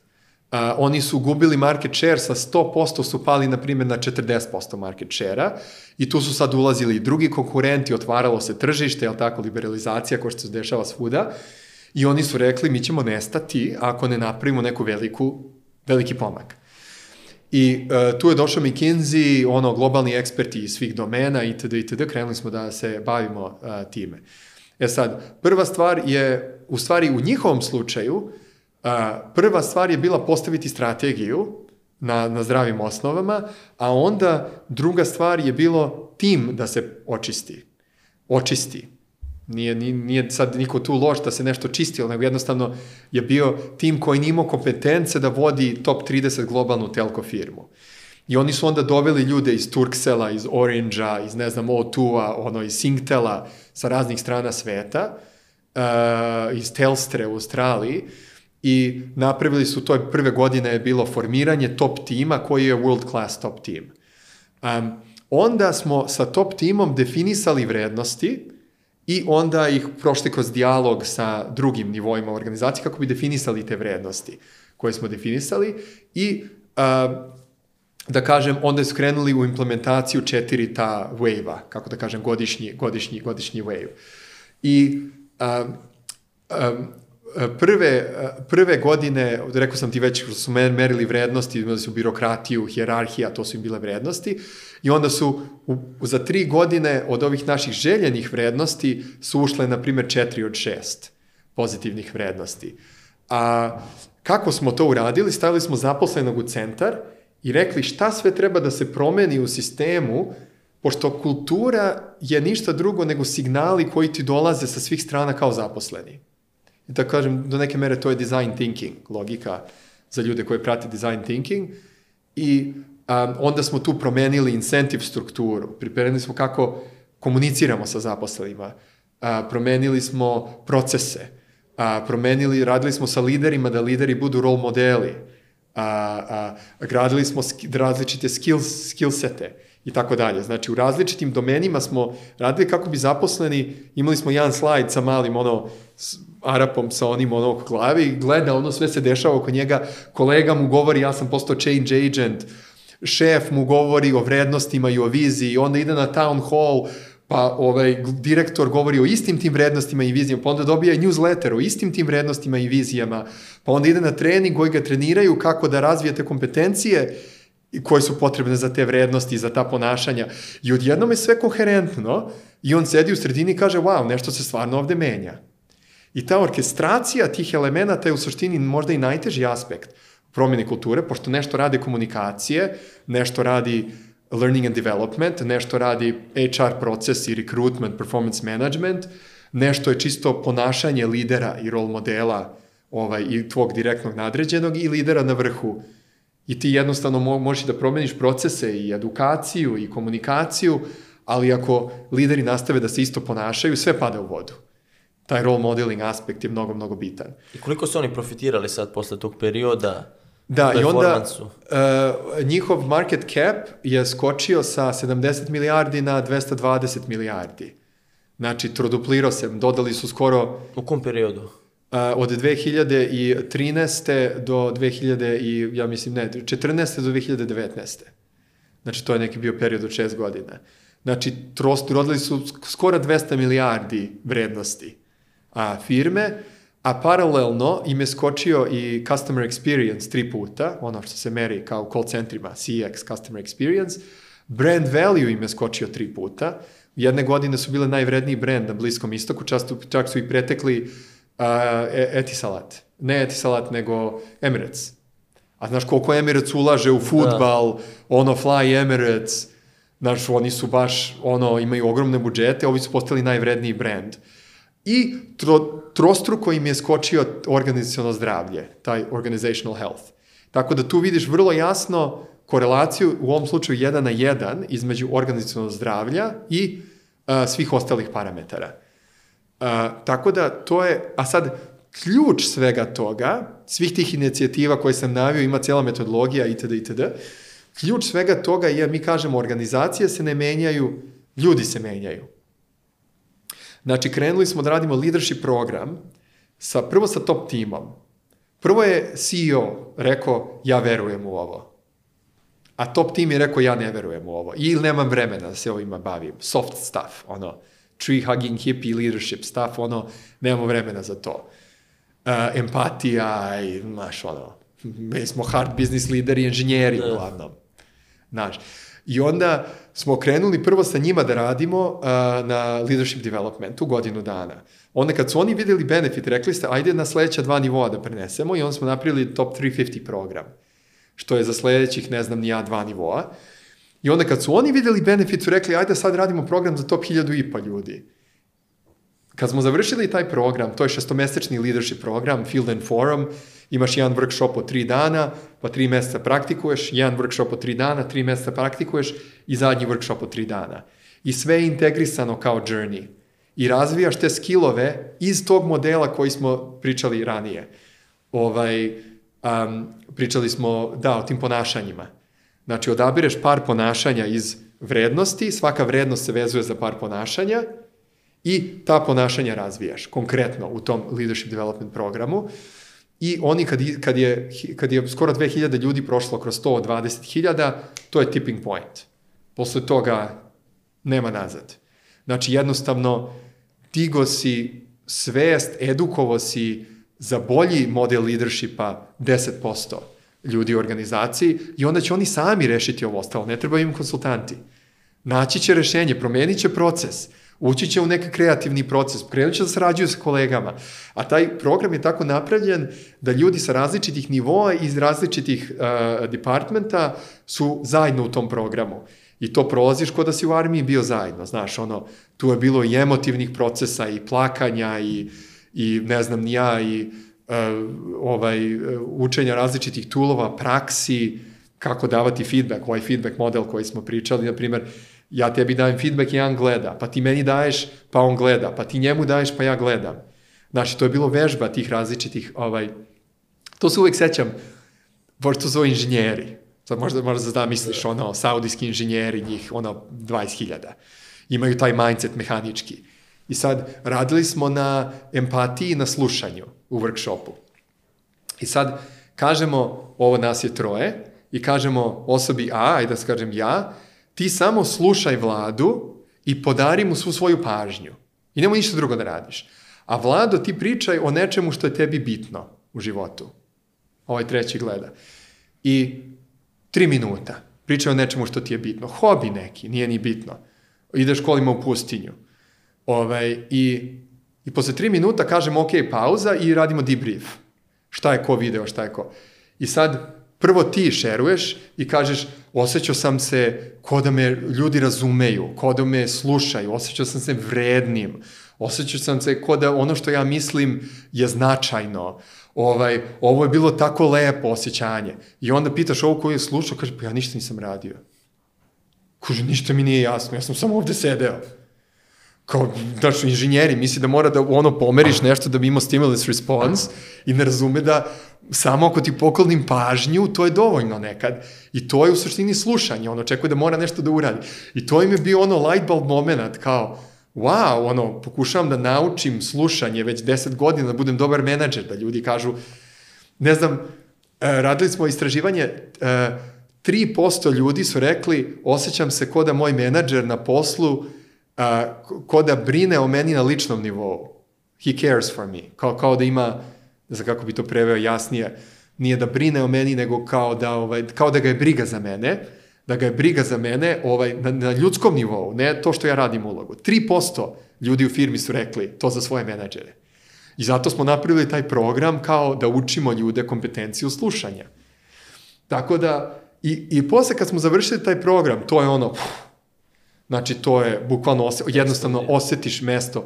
Onda su krenuli da rade, sami su došli do toga da moramo da promenimo uh, prostor, work environment u kome smo fizički, pa su krenuli da uvode open space-ove, oni su bili u onim, znaš, oni kao uh, hodnici, hodnici, hodnici, pa dođeš do šefove kancelarije koja je ogromna, a ovi svi ostali imaju, znaš, i svi su bili ono odvojeni u tom nekom tamnom drvetu, Znaš, ono, izgu, pogubiš se gde si i onda su uradili potpuni redizajn prostora kao ako nam je jedna od vrednosti transparentnost, onda mora da bude transparentno i fizički. ne samo na nivou vrednosti. I svašta nešto, fascinantne programe su oni sami uveli ovaj, a, različite inicijative ovaj, kako, bi, kako bi to oživeli. Kroz razgovor si spomenuo dosta knjiga, a sad me zanima neka tvoja preporuka, možemo i po ovim oblastima, da li pričamo mm -hmm. o kulturi, biznisu, duhovnosti, knjige koje su na tebe ostavile utisak veliki. Pre nego što odemo na knjige, mislim da bi bio, slučajcu možda još jedan interesantan primer. Radili smo promenu kulture na nacionalnom nivou u Sadijskoj Arabiji kako bi a, pomogli zemlji da se otvori ka turizmu. Znači sa vladom ste radili? Sa, drž, sa državom, da, Ministarstvo turizma i a, to odruženje Saudi Tourism Authority. A, I isto to o tomu mogu da pričam zašto je ja, javno. Um, Znači, pitanje je bilo kako da mi posle 40 godina zatvorenosti, kultu, kulturne zatvorenosti, da kažemo, ono, žene su uvek morale da nose abaje, ono, da se oblače u, u ovaj, u crno i tako dalje, i odjednom su dopustili turistima 29. septembra 2019. godine da mogu da dođu obučeni kako god. I ne samo to, nego muškarci i žene mogu zajedno da idu, ne samo to, nego čak mogu da spavaju u istom hotelu ako nisu venčani. A to, to vreme čak nije moglo ni u Emiratima. Da mora da si venčan da bi spavao ili živeo zajedno s nekim. Ovaj, I to je naravno bio ogromni šok i sad sve te, da kažem, ono, ti ljudi koji su 40 godina odrasli u jako zatvorenom društvu, kako će reagovati na to. I onda smo krenuli proces promene kulture na nacionalnom nivou za 30 miliona ljudi i to mi je bio zadnji projekat u McKinsey-u. Uh, izda, izda, izdaćemo ovaj, više o tome u početkom sledeće godine, pravimo case study ovaj, na tu temu, ali suma sumarum, ono što je tu bilo jako interesantno, identifikovati aspekte njihove kulture koji su još pre ove faze zatvaranja, da kažem, u proteklih 50 godina bile tu. I tu smo došli do ove tradicije gde su oni um, gde, gde su oni otvarali svoja vrata uh, ljudima koji su dolazili na hađ i umru u Meku i Medinu već veko hiljadu godina i to ima ta mutava tradicija se zove i tu imaju te priče o kako su uvek vatra gori, da bilo ko može da dođe da popije čaj i da tako dalje. I to smo definisali te aspekte kulture koji su oni zaboravili, ali koji su im jako uh, negde u DNK skoro. I od toga smo napravili te vrednosti i te, ta ponašanja kako bi mogli da napravimo brand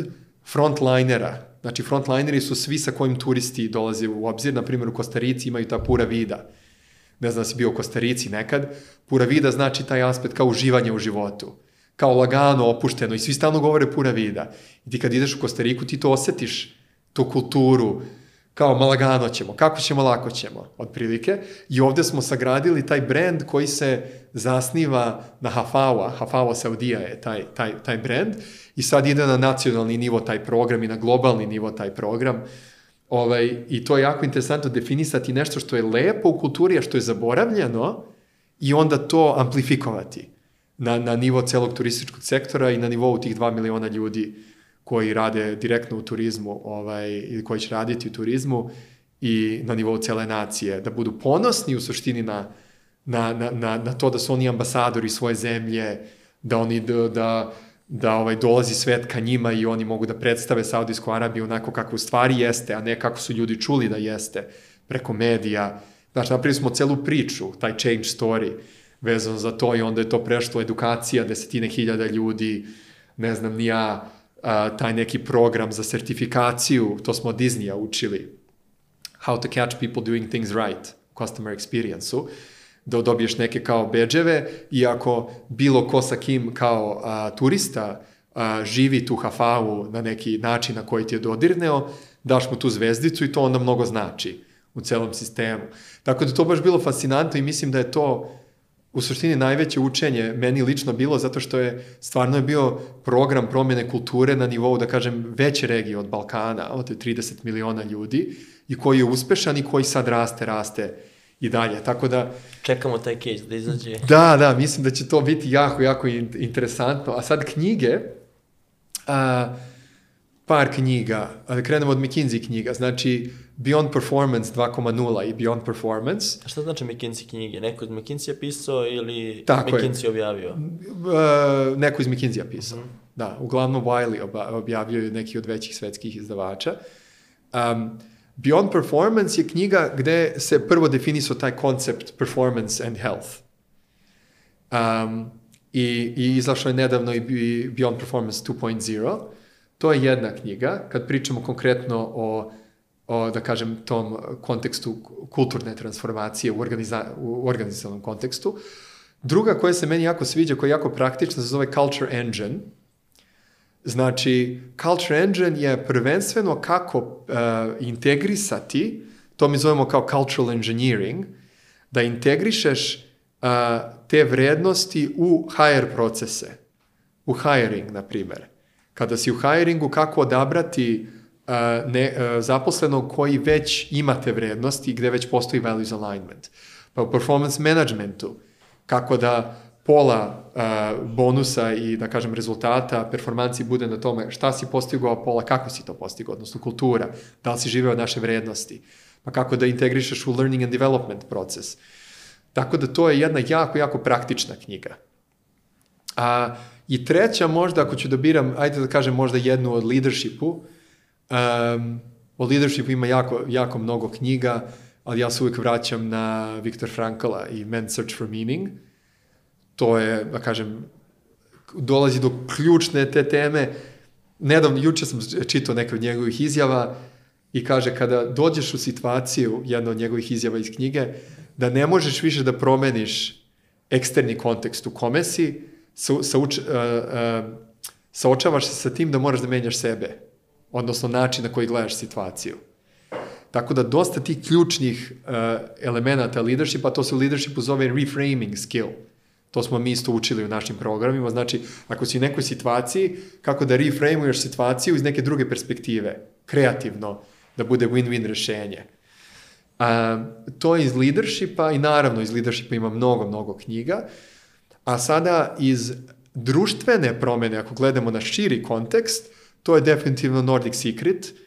A Nordic Secret je fascinantna priča gde moj dru, drugar Thomas Bjorkman, koji je bio inače jako uspešan investicioni bankar u Londonu, je pitao pitanje nakon što je zaradio pare i da kažem završio karijeru, a, pitao je pitanje kako su nordijske zemlje postigle tu količinu uspeha koje su postigle. Pošto ako pogledaš, oni su top 5 ili 10 u tome UN Happiness Index, zdravstvo, obrazovanje, ekonomski a, razvoj, prihodi, po svemu su negde ka vrhu. I da li to slučajno ili se to negde, a, da kažem, nešto desilo ranije. I meni je to bilo totalno fascinantno kad sam krenuo da čitam knjigu. Znači, oni su, njihovi lideri su 1850. godine došli do zaključka da dolazi industrijska revolucija. A oni su tada bili a, needukovani, a, da kažem, a, mračan deo Evrope, gde su se uglavnom bavili poljoprivredom. I oni su imali osjećaj da će doći industrijska revolucija, mislim, iz Nemačke, iz Engleske, jel tako, i pregazit će region i oni će na neki način postati robovi u svojoj zemlji. I rekli su kako sada pomognemo ljudima i društvu da navigira tu količinu promene. A to je vrlo relevantno danas, budući da, da kažem, prolazimo kroz četvrtu industrijsku revoluciju, Web 3 i količina promene, metaverse koja se dešava je ogromna.